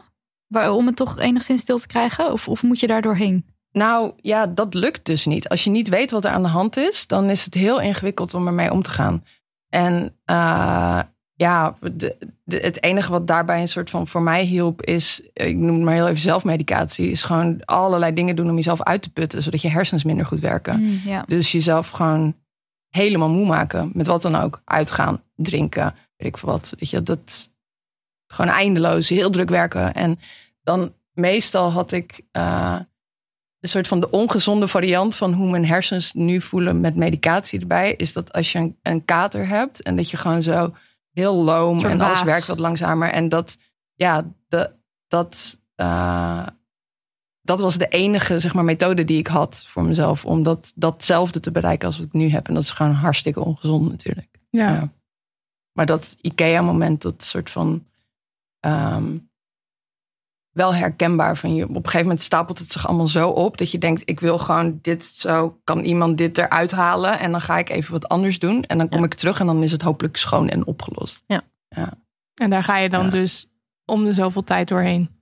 Ja, ja, ik kan wel zeggen dat ja, mijn vrienden zeggen nu: we hebben je boek gelezen, dus we gaan je helpen met dat voorkomen. En denk ik, ja, daar zit het niet helemaal in. Het, het is heel fijn dat jullie me kunnen helpen, maar het is iets wat jij ook zegt, het heeft heel erg met emoties te maken. Dus op een gegeven moment ben je ook gewoon uitgeput van een, een bepaald iets, dus, dus moet je daarvan wegstappen. En dat begint dan maar met het helemaal ervan weglopen. Alleen dat voelt dan op zo'n moment voor de mensen om je heen heel impulsief. Als ik nu zeg, ik stop mijn baan, zeg ik, waarom? Ja, vastigheid, je kan een huis kopen, doe normaal. Ehm, eh, maar voor mij zou het meer zijn, ja, dat, zou, dat ga ik niet doen. Ik heb een hele leuke baan nu, maar dat is dan, heeft met een emotie te maken, maar die kun je niet altijd op dat moment nog goed vertellen. Dat komt vaak in een later. En die kun je soms, is het voor jezelf ook nog niet duidelijk. Behalve dat, het je, dat je het niet meer kan opbrengen qua emotie. Gewoon dat het te veel Ja, is. ja. ja en er, ze zijn er ook allemaal. Die emoties zijn er allemaal, elke dag, de hele dag. Dus als iemand vraagt of er iets is, dan is het gewoon, wat voel je dan? Ja, ik weet niet, gewoon alles, weet je wel. Dat is, ja, ik voel alles wat er bestaat. en dat is best wel ehm, het meest overzichtelijk is. Inderdaad, daar kan niet echt iemand bij helpen. Los van, dat moet gewoon, heeft gewoon tijd nodig, weet je wel. Ja. En ehm, ja, soms is het dan het, het enige overzichtelijke wat er nog bestaat, is gewoon weggaan daarvan. Ja. Want dat Ja. is dan makkelijker. Dat klinkt ook Dat heel logisch als je dit hoort. Ja. Ja. Ja. En dan had je net even over medicatie, Carly. Mhm. Eh, is dat iets wat je dan nu vast in je leven geïmplementeerd hebt? Ja, nu wel, omdat het me echt enorm helpt. Maar daar wil ik wel echt gelijk bij zeggen dat het, al, dat het een niet op zichzelf staand ding is. Dus het, is, het helpt mij als een groter onderdeel van veel verschillende dingen. En ehm, ik denk niet, het is niet een wondermiddel. En ehm, eh, voor mij werkt het omdat ik een heleboel andere dingen daarbij ook doe. Ehm, en dit is een van de dingen die, zeg maar, eh, ja, kunstmatig mijn hersens het, een soort van, hoe noem je dat nou, als, als iemand eh, bijvoorbeeld geen onderbeen heeft en dan een, Een prothese? ja, een prothese. Ja, het is een soort hersenprothese eigenlijk. Ja, En, maar dat, ehm, ik denk niet dat, ik, ik geloof niet in dat alleen medicatie slikken, dat dat the way to go is, zeg maar. Dat, dat, dat, hoort, dat is gewoon een onderdeel van een grote geheel. Maar dat is, het helpt mij wel nu enorm, omdat ik voor het eerst ooit een, tot een stuk van mijn hersenen kom waar ik nog nooit ben geweest. Ja. Ik denk dat medicatie voor sommige mensen, en dat is zeker niet voor iedereen zo, het haalt er echt in, het haalt eruit wat er altijd al in heeft gezeten. Dus ik heb wel beseft dat ik van A tot D goed kan, maar dat ik soms de andere letters van het alfabet niet kan bereiken, omdat het of te ingewikkeld is. En dan in één keer met de medicatie worden de nou, peren van, de, van de, de weg afgehaald eigenlijk. En ga ik er zomaar doorheen zonder dat ik verval in emotie of angst, of ik doe het niet, of afwijzing. Maar aan de andere kant, ik, ik ben denk ik al wat langer aan medicatie dan jij. Het is ook, ik vind het eh, ook steeds vervelender worden, medicatie. Ik kan de bijwerkingen soms niet meer aan omdat je, je merkt gewoon, ik word er wel anders van. En ik word er een andere variant van eh, voor mezelf. Maar ook naar andere mensen toe. Ehm, en doe ik het nou voor mezelf? Of is het ook zodat andere mensen met me kunnen omgaan? En dan zou ik het niet willen doen. Ik Om aan die norm te voldoen om aan eigenlijk. die norm te voldoen. Wat is het grootste verschil voor jou? Ja, ik vind het eh, qua. Ik, ik heb dan. eh, dat heette voorheen dexavitamine, nu heet het Tentin. Dat is gewoon medicinale speed. Het is precies hetzelfde, alleen het verslavende deel is er afgehaald. Of het hallucinerende deel in ieder geval. Ehm, ik merk gewoon dat ik heel hard ga. Letterlijk. Ik voel gewoon dezelfde dingen die. eh, ik heb heus wel eens drugs gedaan. Ja, mensen, leuk. en daar word ik heel normaal van. Dus daar moet ik ook altijd mee oppassen. Dat ik van, als je me drugs geeft, word ik heel normaal van. Alleen, Ja, normaal als in volgens de norm, hè? Want dat woord Ja. normaal wordt al een paar keer gebruikt, maar dat, dat wel Volgens duidelijk wordt het. zijn, maar vol- dat wij dus Ja, niet vinden de dat de norm. normaal. eh, Nee, en, en ik merk ook, eh, Ja. de wereld heeft ook nodig dat er mensen anders zijn. Eh, Ja. en, en, en dat met medicatie druk je dat soms een beetje de kop in. Terwijl, nogmaals, Ik heb ook soms gewoon echt medicatie nodig, omdat ik dan zo tegen mezelf aan het vechten ben dat medicatie dan even een oplossing is die me helpt. Maar ik merk ook dat als ik het drie dagen heb geslikt en dan niet, en dat is natuurlijk, dat werkt niet voor, dat hoort ook niet, zo moet je het ook eigenlijk niet slikken. Is je gaat, ik kom zo hard neer alsof ik 26 dagen drugs heb gebruikt. Ja. Uh, mijn hoofd is uitgehold. En dat vind ik onprettig aan. En ja. bijwerking is ook echt, uh, wat ik las in je boek, dan echt druk op je ogen voelen en je kaken. kaken gewoon echt waar ja. je aan moet denken bij, nou, bij drugs. Ja. Dat soort dingen voelen, dat, dat zijn de bijwerkingen. Ja, maar ook als ik bijvoorbeeld niet heb gegeten en ik neem uh, Tentin dan. Dan, nou mensen, oh, dan kun je dat is gewoon, maar dat ben nooit. Kom, dat is ja, echt, ik ben dan ja. compleet high. Hè? Dan loop ik op mijn kantoor met, oh wat zie je leuk uit, oh mensen. Dat vind ik dan Oh, zo high. duurt Nee, drie- ik zit meestal zo in een hoekje. Als, als ik Helemaal niet met eet, open- weet wijd opengesperde ogen. Ja, zo. mm. Maar, maar, maar dit effect daarvan lijkt me dan niet per se de bedoeling. Of, eh, of zijn dat dan bijwerkingen? Ja, maar dat is ook een van de redenen waarom bijvoorbeeld zo'n Ritalin en dexamfetamine en- of Tentin dan ook gewoon in, in bibliotheken worden gebruikt tijdens studeren. Hè? Het is, het is een soort van, eh, het maakt je in dat opzicht ook heel gefocust, maar ja, het is, en ik ben ook nog een soort van, ik- volgens mij het atypisch, ik reageer bijna op alle medicatie. Heel heftig. Ik krijg, ele- ik, krijg, eh, ik weet niet welke medicatie je hebt en of je dat ja, ik wilt ben delen. benieuwd eh, als je, of je dat Eh, wil zeggen. Sandos? Sandos. Ik ben- Uh, methylfenidaat. Ja, met, ja, dus dat is, even kijken, volgens mij, dat is het langwerkende variant ongeveer van Ritalin, Ja, toch? lang. Twee keer per, Ja. twee keer per dag. Ja.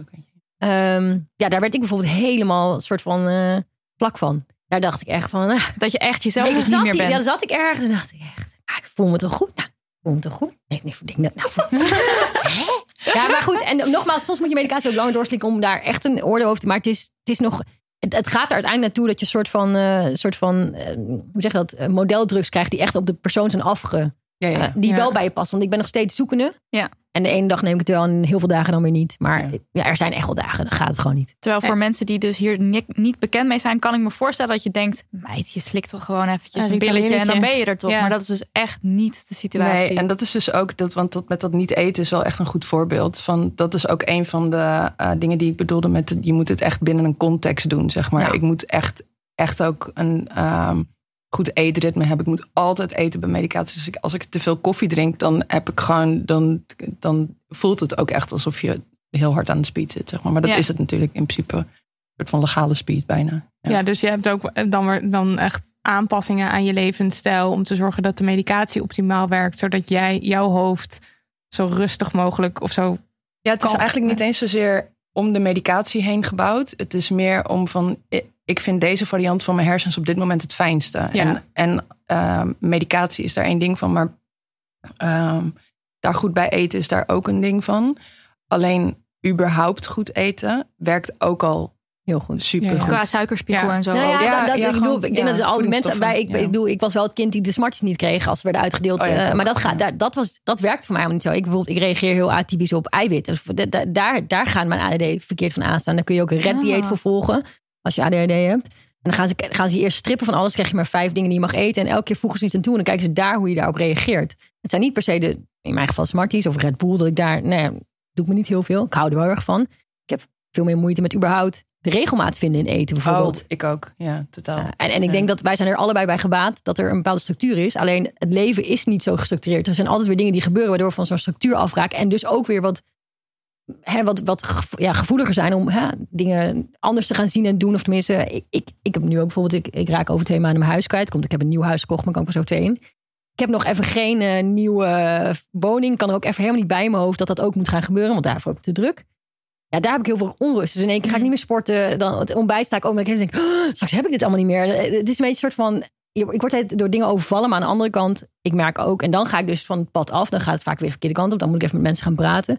Hoe dichter ik wel bij die structuur blijf, hoe meer ik eraan heb. Hoe minder afleiding er is. Om in ieder geval zo'n dagstart goed bijvoorbeeld te beginnen. Dat zul jij ongetwijfeld ook hebben. Alleen, ja, het leven Ja. is gewoon niet zo rechtlijnig als dat het is. Het zou wel makkelijk zijn als het elke dag hetzelfde is. Maar ook weer saai zouden we dat vinden. ja, ja, ja. Omschrijft Ja, ook die ja. morning routine in je boek. Het is Ja. gewoon heel steady van ik ga opstaan, ik ga plassen, ik ga eten. Ik ga, je eet ook hetzelfde dan geloof ik. Ja, ik eet elke dag In vier... je eh, slaapkamer, toch? Ja, In je slaapkamer? ja, ik ben, ik ben in mijn hele grote huis van 164 vierkante meter woon ik als student. Gaat helemaal nergens over. Terwijl het hele huis is eh, een soort van. eh, Nou ja, wel Maar overzichtelijk. mega herkenbaar vond ik dat. dat. Vooral dat specifieke stukje over dat je in je slaapkamer eet, omdat dat overzichtelijker is, Ja. dacht ik echt van, oh my god, dat is gewoon, dat is dus een ding. Dat Ja, ik maar het lukt me dus nu, ja. sinds dat boek gelanceerd is, al twee maanden niet. dus, dat, dus ik heb een soort van eh, zelfhulpboek geschreven voor, of in ieder geval over mezelf, een handleiding. En het lukt mezelf nu even niet. Dus ik ben vanochtend wel begonnen, maar dan had ik geen rijstwafels. Dus dan moet ik een boterham bakken. En dan is het dan al, denk ik, oh ja, wacht even. Maar aan de andere kant, denk ik, uiteindelijk er zijn twee dingen goed gegaan. Namelijk dat de, de, de pindakaas en dat ik niet de telefoon had. En dat, ja goed, in ieder geval. Dus ik ben hier. Hè? Het is gelukt. Het is Ja. gelukt. Eh, maar ik, dit zijn wel van die dagen, denk ik, moet ik niet een pilletje stikken om hier een fatsoenlijk antwoord te kunnen geven. Want ik kan ook soms helemaal denken, wat heb ik zelf ook alweer gezegd? Of wat is de vraag? Ja, ja, ja, ja, Oh, ja. ja. Maar dat, ik merk altijd een beetje dat als ik zeg maar, want dat rijst wel voor boterham bijvoorbeeld is ook een hele goeie. Dus ik kan zeg maar daar zo eh, ver- verstijfd van raken en dan echt de hele dag klem zitten. Hmm. Of ik kan een soort van er doorheen en dan denken, eh, het komt straks wel goed. En dan Ja. eet die boterham gewoon. Op het moment dat ik dan zeg maar een soort, uh, dan denk ik van, oké, deze dag gaat, gewoon, gaat hem niet worden. Dus ik, als ik overstuur zijn raak van die de- rijstwafel, dan moet ik gewoon maar misschien terug in bed, zeg maar. Nou ja, die Ja. dagen best vaak hoor. En dat is in dit, deze periode waar het wat donkerder is. Hè, dan gaan donkere dagen zijn er ook wat meer automatisch. Nou mensen, dan kun je me echt van de vloer afrapen soms. Maar dan, dan is het maar goed dat ik een afspraak heb zoals dit. En dat ik eruit moet en dat ik kom. En dat ik, soort- dat is ook weer het goede van mensen om je heen en collega's. En waarom ik wel een vaste baan heb. Is omdat ik dan in ieder geval opsta en er ben. En ik, weet je, dan zijn die mensen uiteindelijk weer mijn afleiding. En dan kom ik ook wel weer in mijn dag. Maar op een later moment. Ja. En als freelancer dan? Want heb jij wel een vaste plek waar je dan heen gaat bijvoorbeeld? Nou, ik heb dus een kat. En dat Hmm. is, die is elke ochtend zit die zo in, maar met in mijn het eten, gezicht. Ik- ja. ja. kom maar. Ik ben er klaar voor. Dus dat is een soort van, naast mijn wekker, is dat een soort van hele natuurlijke manier om gewoon mijn bed uit te stappen. Ja. Omdat anders gewoon mijn kat de hele tijd op mijn gezicht blijft zitten. En dan, dan ga ik die kat eten geven. En dan denk ik, ik kan beter nu Ja. beginnen met. Want als ik terug ga in bed, dan wordt het hem gewoon nooit. Überhaupt niet. En ik weet niet of, dat, of jij dat herkent, maar dan. eh, mijn lijf voelt anders als ik terug in bed kruip. Het is dan meer alsof je een soort van de hele dag een pyjama bent. Als je in plaats van aan hebt. En ehm, dus dan, dan weet ik, ik weet nu inmiddels van mezelf van, ah als ik dan deze kickstart geef, dan ik ben gewoon niet zo goed in de rest van de dag. En als ik ochtends zeg maar de boel aanzwengel, dan Heb je ja, een hele vooruitsprong op je rest van je dag. Dat is het dus. En als ja. ik dat, dat stuk mis, dan is de rest van de dag eigenlijk al best wel weggegooid. Ja. Dus besluiten maar dat het bed beter is. ja, Ja. ja. wat dat het is ook alleen maar waarom jij je wekker Ja. van zien dus in de gang legt. Zodat je, je Ja. moet dat bed uit. En dan heb je die eerste zet. En dan gaat het radertje vanzelf een beetje zo... eh, En dan ja. lukt het wel. Ja, maar ik was bijvoorbeeld afgelopen jaar ook best wel een date. En dan ben je dus bij andere mensen. En ik moet beginnen met een ochtendworkout bijna. En dan zitten mensen echt aan te kijken, doe je. Maar als je dat dus niet doet, dan, dan heb ik dus weer een, achter, een, een soort van... eh, eh, eh, nou, dan, dan sta ik weer 10-0 achter. Dus dat is ook Ja. wel een beetje, het is ook een beetje ongemakkelijk. Dat je soms, want ik ben eigenlijk beter ook als ik alleen blijf wonen in de toekomst. Maar goed, ik heb ook altijd gewoon vriendjes. Dus Maar dat doe je dan wel als je dan doe je je dat- workout of je routine of zoveel mogelijk. Ja, dat doe ik dus nu ook niet meer. Want het- het- mijn leven is op dit moment, vanaf dat boek dat het gelanceerd is. Oh dus nee, het- dat boek. Het is zo geflipt even. Dat ik, ik moet heel erg naar die baas en ja. dat lukt niet. Maar het is op een Nee. goede manier ook. Hè. Ik bedoel, want er gebeuren Ja. heel veel dingen op dit moment. Dus het is ook niet erg. Ik heb voor het eerst... Ik streef al heel lang naar huisje, boompje, beestje. En dat is me tot nu toe niet gelukt. Het normale leven, zeg maar. Want dat ging dan toch weer door mijn handen heen. normale leven. En dan begint het is in één keer droom, het met een huis. Denk ik, wow, ik heb een huis bijna, bijna gekocht. Hè? En dan, ik heb dan een heel dreamteam wat me vervolgens moet helpen bij dat huis aanschaffen. Want ik snap er de ballen niet van, want mijn interesse Maar het is toch vet niet. dat je dat hebt? Ja. Ja, maar aan de andere kant, ja, dus het is ook een beetje hilarisch. Ik, ik, maar, ja, er zit ook heel veel humor in. Hè? Want wij, ik bedoel, laat vergis je niet, we, ik denk dat wij allebei wel kunnen zeggen dat we heel ver zijn gekomen, juist door die ADHD. Ja, Ja, joh, wanneer ben je blij met die Ja. ADHD? Wanneer Ja. denk je van Ja. yes, dit is wel ook echt heel lekker eraan. Ja, ik denk gewoon als ik dan zie wie ik ontmoet. Het is echt niet normaal. Ik kan op eh, het toilet staan bij een festival en er helemaal aan zijn en denken: wauw, ik heb net met iemand gepraat en dat was te gek. En dan blijkt dan iemand te zijn die, eh, weet ik veel, bij een heel groot sportmerk werkt. Heb je ook de hele tijd dat je per ongeluk vrienden maakt? Ja, Ja, ik maak echt. ik, oh, ook. ik maak de hele tijd per ongeluk vrienden. Ja, ik ook. ja. Maar, maar, dat zijn uiteindelijk de meest interessante mensen die ik tegenkom. En daardoor eh, kom ik heel ver. Want ik ben Ja. oprecht dan geïnteresseerd in die mensen. En eh, met of zonder drugs maakt niet uit. Of nou, of nou medicatie of niet. Ik, ik, ik, ik vind de mens mooi aan zich. Dus, ik, dus ik, Ja. ik vind het heerlijk dat ik mensen ben tegengekomen. Mijn hele leven lang. Dat het ook altijd zo blijft. Ja. Dat ik denk, ja, mijn leven is in dat opzicht nooit saai. En, ik heb dan misschien de impulsiviteit van de ADHD. nou, niet eens impulsiviteit. Ik denk, bij mij is het heel erg. Ik ben heel. Dat is weer meer met emoties. Ik ben oprecht benieuwd naar iemand. Ik ben oprecht geïnteresseerd Ja, ja, ja. in iemand. En daar ben ik ook. Daar, de- En dat is ook door die ongefilterdheid, denk ik. Want los van dat alles eh, zeg maar tegelijk binnenkomt, is dus ook alle informatie is dus ook even interessant op een positieve manier. Ja. Zo, oh, frisbee, wauw. Filmpjes kijken. Ja, dat? Is er een competitie voor? Dan ben ik oprecht geïnteresseerd. Oh, dit is zo, Ja. want ik heb net die link dus niet gemaakt. Dat jij gelijk zo door wil vragen en meer... Ja, denk ik, Hoe gaat wauw, dat dus onderdeel is ik Maar dat jij allebei toch dat er dan gelijk ook allemaal ideeën in ons hoofd schieten. Zo, oh, frisbee en ultimate, is dat dan met een... Hoe is die frisbee dan groter? Of is die, ja, nee, dat is gewoon... ja, ik denk gewoon, ja, ik heel frisbee, nieuwsgierig. frisbee, kunnen we een campagne, zaten die vroeger niet ergens bij. Dus je- mijn hoofd Ja, en hoe hard moet je dan gooien? En Wat Ja. is dat, dat is dan En? Jullie, jullie hoofd brengt je dus op plekken waar eh, de normale mens dus niet komt. En wat dus ook hele mooie dingen op kan leveren. Ja, ik bedoel, dat, dat, daar, dit toch ook een voorbeeld van. Ik bedoel, wij, ik bedoel, Nia en ik hebben tien jaar geleden elkaar dan tegenkomen met hardlopen. Maar dat je nu tien jaar later weer hier zit en dan zie je waar mensen staan en wat ze. Dan mag je toch wel denken, nou, dat is leuk dat je die mensen op, toen oprecht bij naam kende. En dat je ze ook oprecht iets gunt. Ik, heb, ik, ik, ik denk dat, dat ook wel een, een gunfactor, denk ik wel. Omdat, eh, ja, doordat ik ben ooit betrokken geweest, of ik heb iets voor hen gedaan. En dat ik, dus ik wacht daar nooit wat voor terug. Dat hoeft helemaal niet. Maar Ja, dat mensen, die oprechtheid Ja, maar mensen vinden die oprechtheid prettig. En dat vind ik zelf ook. Dus Ja. daardoor, Ja, ik ja, kom ja. daardoor de hele wereld over, letterlijk. Ja. En of het nou in mijn hoofd is of bij mensen, dat maakt allemaal niet uit. Ja. En dat, eh, Ja. dat snelle associëren, wat je net al heel eventjes deed, dat is misschien voor, je, voor allebei jullie banen. Dus Ja. ook ehm, eh, ja, marketing en, en, en toffe nieuwe ideeën bedenken. Is dat misschien ook een echt onderdeel van allebei jullie Ja, banen? het is één keer, het Ja. klikt soms gewoon. Ik loop gewoon soms Ja. in de supermarkt en dan zie ik iets liggen en denk ik, eh, wauw. Als, eh, Ja. eh, ja, ik zeg, ik, ik zit even na te denken wat een voorbeeld is. Volgens mij met Katja, kattenkop heb ik volgens mij in mijn, eh, of apenkop of zo. Ik kan daar dan gelijk een hele campagne mee bedenken dat eh, Katja Snoep is vegan. Waarom maar gaan ze niet een vegan eh, snoepvleesvak openen, weet je wel? Dat ze naast, de, naast het vlees gaan liggen. En, eh, ik kan, en dan bel ik Katja, zeg ik, heb een goed idee. En dan zegt ze, hoe kom je aan ons adres? Dan zeg ik, nou, ik heb gewoon, mar- ik heb gewoon marketing, ik heb gewoon marketing manager gedaan. Ik heb, een stalker marketing Nee, ik heb gewoon marketing manager ingevoerd op Google. eh, Katja Snoep. En dan, eh, en, dan, en dan bel ik naar de, naar de frontdesk. Zeg ik, ja, ik heb een eh, e-mailadres gestuurd naar... Of een e-mail gestuurd naar die persoon. Maar hij bounced. Heb ik een foutje gemaakt in het... eh, in het, eh, in het lettertype en volgens of, of, of, eh, in, het, in, het, in de spelling. En dan krijg je het e-mailadres, krijg je het nummer. En dan bel ik gewoon. En zeg ik, ik heb een goed idee. En zeggen ze, wat voor idee? En soms heb ik dan nog juist helemaal geen idee. En dan zeg ik, nou, kom maar langs. Want een goed idee mag je altijd binnenkomen, hoor. Eh, En vervolgens zit ik daar en dan moet ik of nog mijn idee bedenken... of ik heb in één keer dat idee bedacht al. En dan is nou, zo hebben wij er helemaal niet naar gekeken. Dus ik denk dat dat...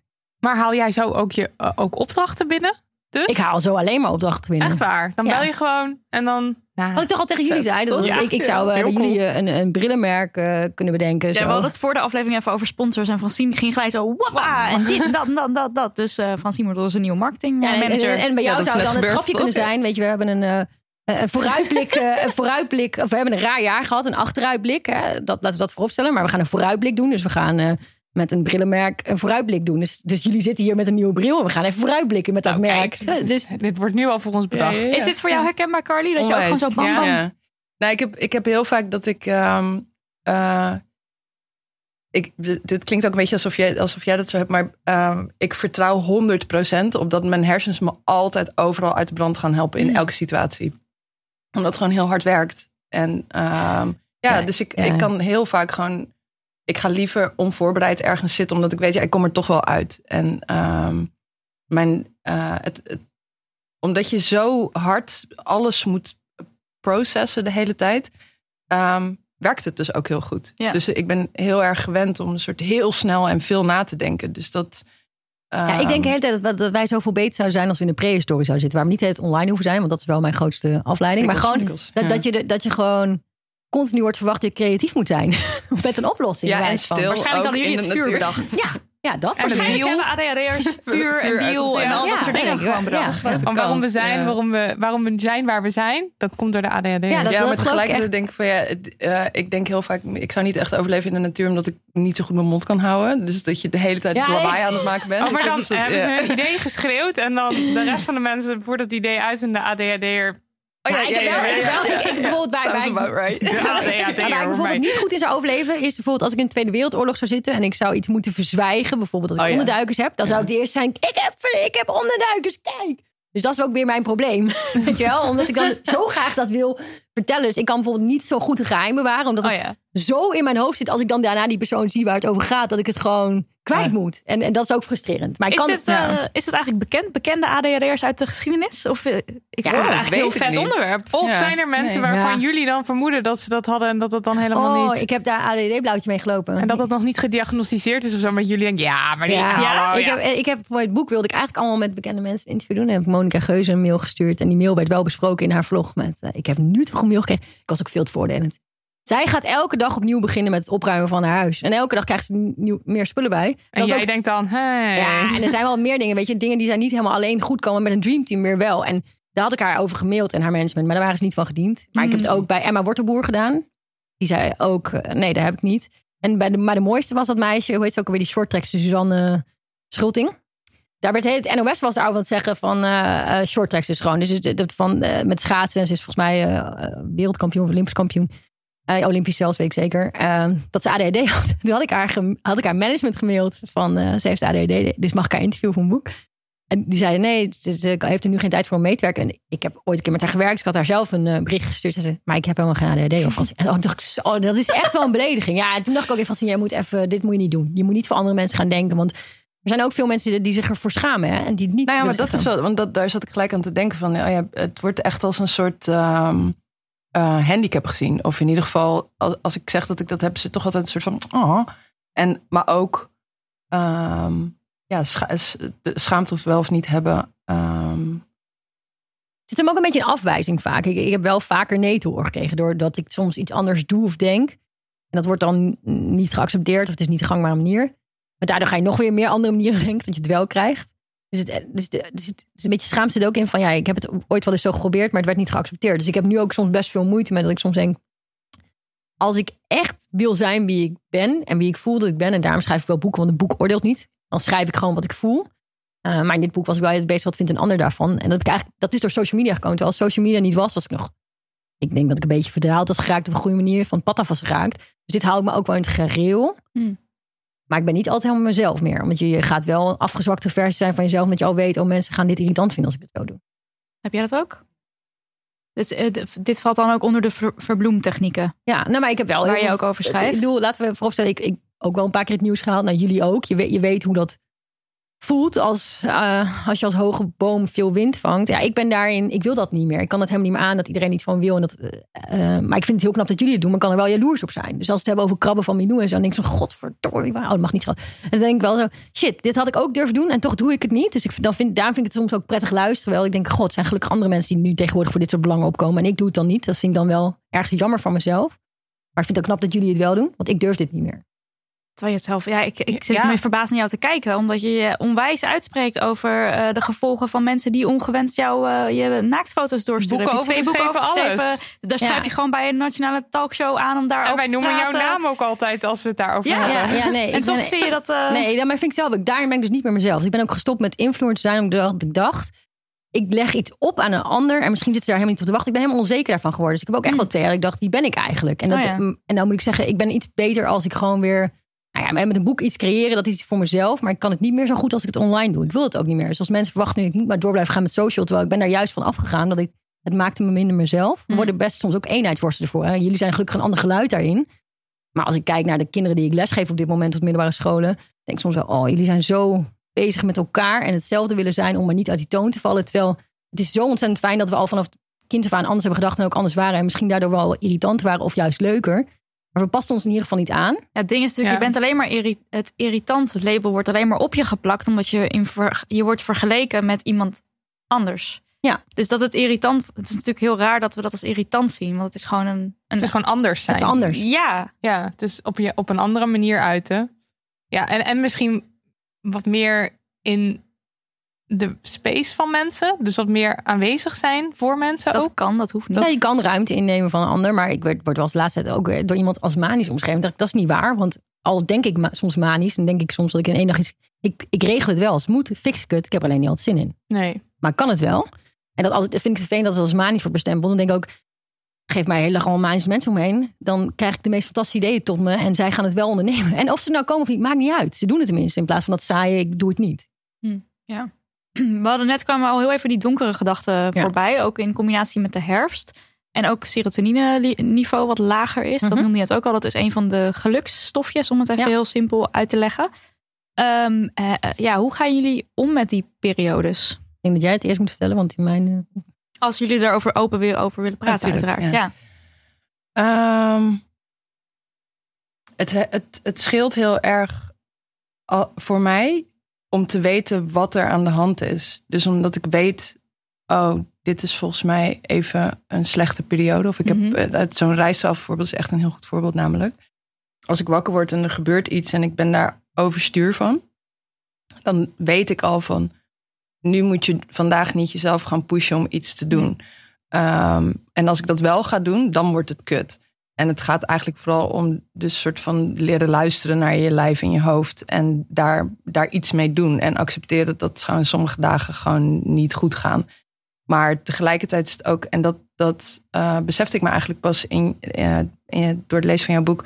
Um, dat zeg maar dat overprikkelen, daar ben ik heel bekend mee. Maar ik, ik had er nooit over nagedacht dat er ook onderprikkeling kan zijn. En dat ik Um, want ik vind wel vaak dingen echt saai of niet ja, interessant. Verveling is mijn dood. Ja, maar en, en, en ook dat inderdaad, maar dat het um, dat onderprikkeling, dat je daar helemaal, daar word ik het flatst van, zeg Mm. maar. Dus dat je gewoon en um, Kan je een voorbeeld daarvan noemen? Van een situatie waarin dat dan... Waarin je corona, onder- dat je dat Oh ja, er- er ja. gebeurt niet heel veel. Um, en mijn huis is nu wel echt uh, helemaal goed en verschoven en schoon, zeg maar. en um, nu is er gewoon.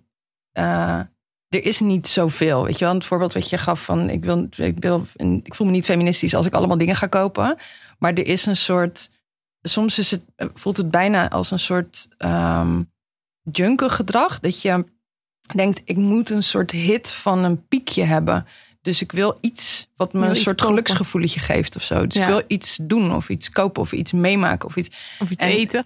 Ja, of iets eten of weet je wel. En dan um, de, altijd als ik dat voel, dan weet ik, dacht ik van, oh ja, dat is eigenlijk gewoon een beetje onderprikkeling. En soms heb ik, ik heb gewoon soms een soort inputje nodig. En die Ja, wij donkere. zijn eigenlijk een soort van machientje van vroeger, weet je wel. Waar je vroeger zo'n kaartje stopte en dan kon je iets anders, dan kreeg je eruit of zo, weet je. Maar dat moet bij mij continu gebeuren en moet input dat- zijn. En als dat er niet is, maar Ja. en, en meer met donkere gedachten is gewoon, ja, ik vind de dood ontzettend interessant. Altijd al gevonden. Ja. Eh, en ik vind het leven soms te zwaar. Kan de verantwoordelijkheden die er van me gevraagd worden. Zeker als je volwassen bent. Als je jonger bent, dan kom je met bepaalde gedragingen weg. Als je dat laat zitten. Dat ik soms ook denk, ik heb hier geen zin in. Ik, net zoals Ja. op een moment, ik loop hier van weg. Alleen met de, de dood kun je doodlopen. En kun je niet meer teruglopen. Hè? Dus Ja. dat, Ja. maar aan de andere kant, Ja. ik, ja, ik denk ergens ook, er zit ook voor mij wel een ultieme soort van rust. Dus, ehm, en als we het hebben over dood en zelfmoord, moeten we altijd nadenken over de, de 113. Ja.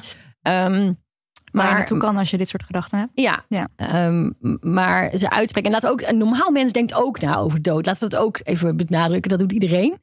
Eh, ehm, maar ja, ik weet niet. Ik, ik- dit, zijn wel, dit is wel weer moeilijk. Want als nu, ik zit in een moment waarin het hartstikke goed gaat. Hè? Oh, Goeie, wat vragen. Ja. Sorry. maar ik, ben- ik, ik ben dan, want is het dood dan eh, voor jou op een bepaalde manier een, een iets, iets rustgevends waarmee je jezelf dan waar, wat, wat een geruststellende ge- gedachte ja, is? dat maakt vind mijn leven ook soms gewoon heel saai. Oh, Oké. Ja, dat her, maar dat herken ik ook wel. Want dat, eh, ehm, eh, zeg maar, dat. Ehm, Wij, gaan aan, wij slaan aan op dingen. Ja, Dus- en het is als zeg maar je leven, zeker in een tijd als corona, alleen nog maar bestaat uit. Ik vind elke dag de afwas doen sowieso al een raar concept. Dat dat moet, weet je wel. En elke dag eten vind ik ook raar, in principe. En als je daar goed over nadenkt, is het ook raar. Je hebt echt veel input nodig, je lijf, zeg maar. Ja. Dus dat, maar dat dat elke dag moet, vind ik zo saai en stom. En dan van, oh, weer boodschappen doen. Ik, weet je hoe vaak ik al appels heb gehaald dit jaar? Echt vaak.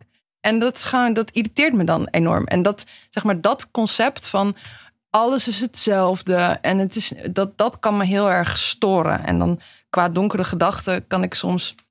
Dat uitzicht dan bij mij gewoon een beetje in op de bank zitten. En, En dus niks doen, zelfs ook verlamd daardoor raken. Ja, Dat of gewoon, of gewoon een soort van eh, in één keer een YouTube-serie vinden die je heel vet vindt. En dan gewoon de 20 uur achter elkaar kijken. En dan is het dan op. En dan, ben je, dan vind je dat weer kut. En dan, dus ja, dat.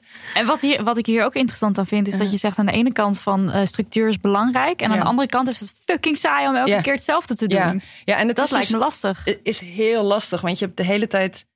Het is niet dat je dus geniet van die structuur eigenlijk. Het maakt Nou, het is heel moeilijk om de structuur te maintainen. Dat kost ons alle energie. Soms vaak Ja. in een structuur maintainen die Ja. voor jullie of voor andere mensen vaak zo normaal en makkelijk doorloopbaar Ja. is. En als je tegen mij zegt, zet me voor 400 man eh, en ga spreken, denk ik, yes, daar ga ik. Dat vind ik nou makkelijk. Maar, de, maar de, de briefje op de post doen. Ja. ik ook nu tegen mensen zeg, als je mijn boek wil en je wil, je wil dat ik erin teken voor je, dan moet je stuur me maar DM, dan bestel je via mij. uh-huh. Eh, dan moet ik er iets op de post gaan doen. Dan vind ik het de allervervelendst. Maar dat als het me lukt, ben ik heel blij. Maar gewoon een postzegel vinden, een brievenbus. eh, dat ik Gewoon al die stappen weer helemaal vinden. Ja, en dat zijn allemaal stappen die gewoon. Ik ben heel benieuwd wat er Ja, dat. En ik moet, ik moet gewoon al- ik moet de choreografie van alles onthouden, zeg maar. En ja, dat, ja, en dat is heel ingewikkeld. Een soort van eh, elke dag eten is, ehm, is voor mij heel abnormaal. En in, niet in de zin van ik begrijp dat ik eten nodig heb en het is niet zo dat ik niet wil eten, maar het is een choreografie die ik echt moet onthouden en waarbij ik ook eh, waarbij mijn hersens zo werken dat elke stap wordt benoemd in mijn hoofd. Ik pak dit, ik smeer dit. En het is niet letterlijk, maar op de achtergrond is het wel. Als ik dat niet doe, dan weet ik niet hoe het werkt. Ja, of we zijn off als één ingrediënt niet is. Dan, Ja. zijn we, dan, zijn, dan kunnen we zo in één keer denken, ik stop ermee. Ik ga, Ja, dat zo- eet ik al niet, laat maar. Ja, eh, Maar, maar- maar geniet je er dan wel of niet van, van, van eten? Of Als iemand anders het doet. Maar Nou ja, ja, dat. En, nee, maar ik vind eten heel leuk. Maar ik vind gewoon de, elke dag dezelfde choreografie uitvoeren die niet blijft plakken. En die, wa- waar ik ook absoluut de, de gewoon. eh, eh, ik snap het nut, maar ik voel het niet. nee? En ik vind het gewoon raar. En dat is, dat is heel vervelend om elke dag mee bezig te moeten zijn. Dus ik heb een soort aversie ontwikkeld tegen alle dingen die moeten. De dagelijkse Ja, en ja, omdat het. En niet zozeer omdat ik. Ik begrijp als mensen dat je eten nodig hebt. Maar het is ook niet zo dat ik liever iets anders doe. Of dat ik het liever anders doe. Ik zit nu ook een beetje Ja. te denken aan dat spul wat dan uitgevonden is voor. Soylent ja, of zo. Soylent of zo. Wat je dan, dat is dan zo'n drankje waar dan alles in, In zit. zit, En wat ja. je dan Alle gewoon kan drinken. En dan mineralen. hoef je niet te eten. ja, grappig. En dan houden we dus tijd over. En dan zou je zeggen, dan gaan we die tijd anders invullen. Maar dat doen we dan, Doe ook, dan ook niet? Nee, dat doe ik, nee dan ga ik. Nee, nee, nee, zeker niet. Nee. En eh, relaties en seks. Go. Wacht, dat is Ja, een beetje go. een rare combinatie misschien. Nee, dit, dit, Eerste relaties. Is Ja. dat iets wat werkt, wat lukt? Is dat ingewikkeld? Nou, wat, wat, wat, wat best wel ingewikkeld is in general met relaties, is dat mensen heel. Je maakt om, aan de, om de haverklap vaak nieuwe vrienden, zeg maar. Mensen zijn heel erg snel een soort van in opgewarmd bij je. En een Ja. soort van, je hebt heel snel een goede klik. Alleen daar. Die emoties gaan allemaal met horten en stoten. Dus het is el- elke keer helemaal aan of helemaal uit. Mhm. En dat volgt elkaar best wel snel op. Ehm, en de, ehm, ik heb het echt ontelbare soort van functioneringsgesprekken gehad heel vaak. Weet je wel, met mensen in je leven die dan die vinden het heel leuk dat je dan een soort van er gebeurt altijd iets spannends en het is altijd heel gezellig saai, en er is altijd ja. een soort van actie. Maar, maar je bent wel heel onstuimig of ik weet niet zo goed waar ik aan toe ben met jou en ik weet niet zo goed dit. En dan ehm, Ik herken me hier zo in, omdat ik dus aan de andere kant heb gezeten. ik, ik heb een vriend gehad die ADHD had. En ik zeg ook heel vaak van, dat was een vriendje waar ik gewoon echt zoveel grappige, leuke, rare shit mee heb gedaan. Maar waarmee het dus niet werkte. Maar ik herken dus mega wat je zegt van alle kanten op, woe, Ja. maar tegelijkertijd ook, heel lastig. Ja, Ja, ook heel erg naar beneden. Ja, Ja, echt en- heftige, rare dingen meegemaakt. Ja, en gewoon dus een soort van echt overstuur kunnen zijn, omdat er een, geen rijstwafel is, maar wel brood. Ja, En dat zijn gewoon dingen Hm. die, er, ehm, die ingewikkeld zijn. ja. eh, als je in wat voor relatie dan ook zit. Het, er zijn mensen die dat, ehm, die daar over het algemeen eh, eh, naar mij toe of geen moeite mee hebben of wel moeite mee hebben. Hm. En ah, nee, nee, dat kan ik beter anders zeggen.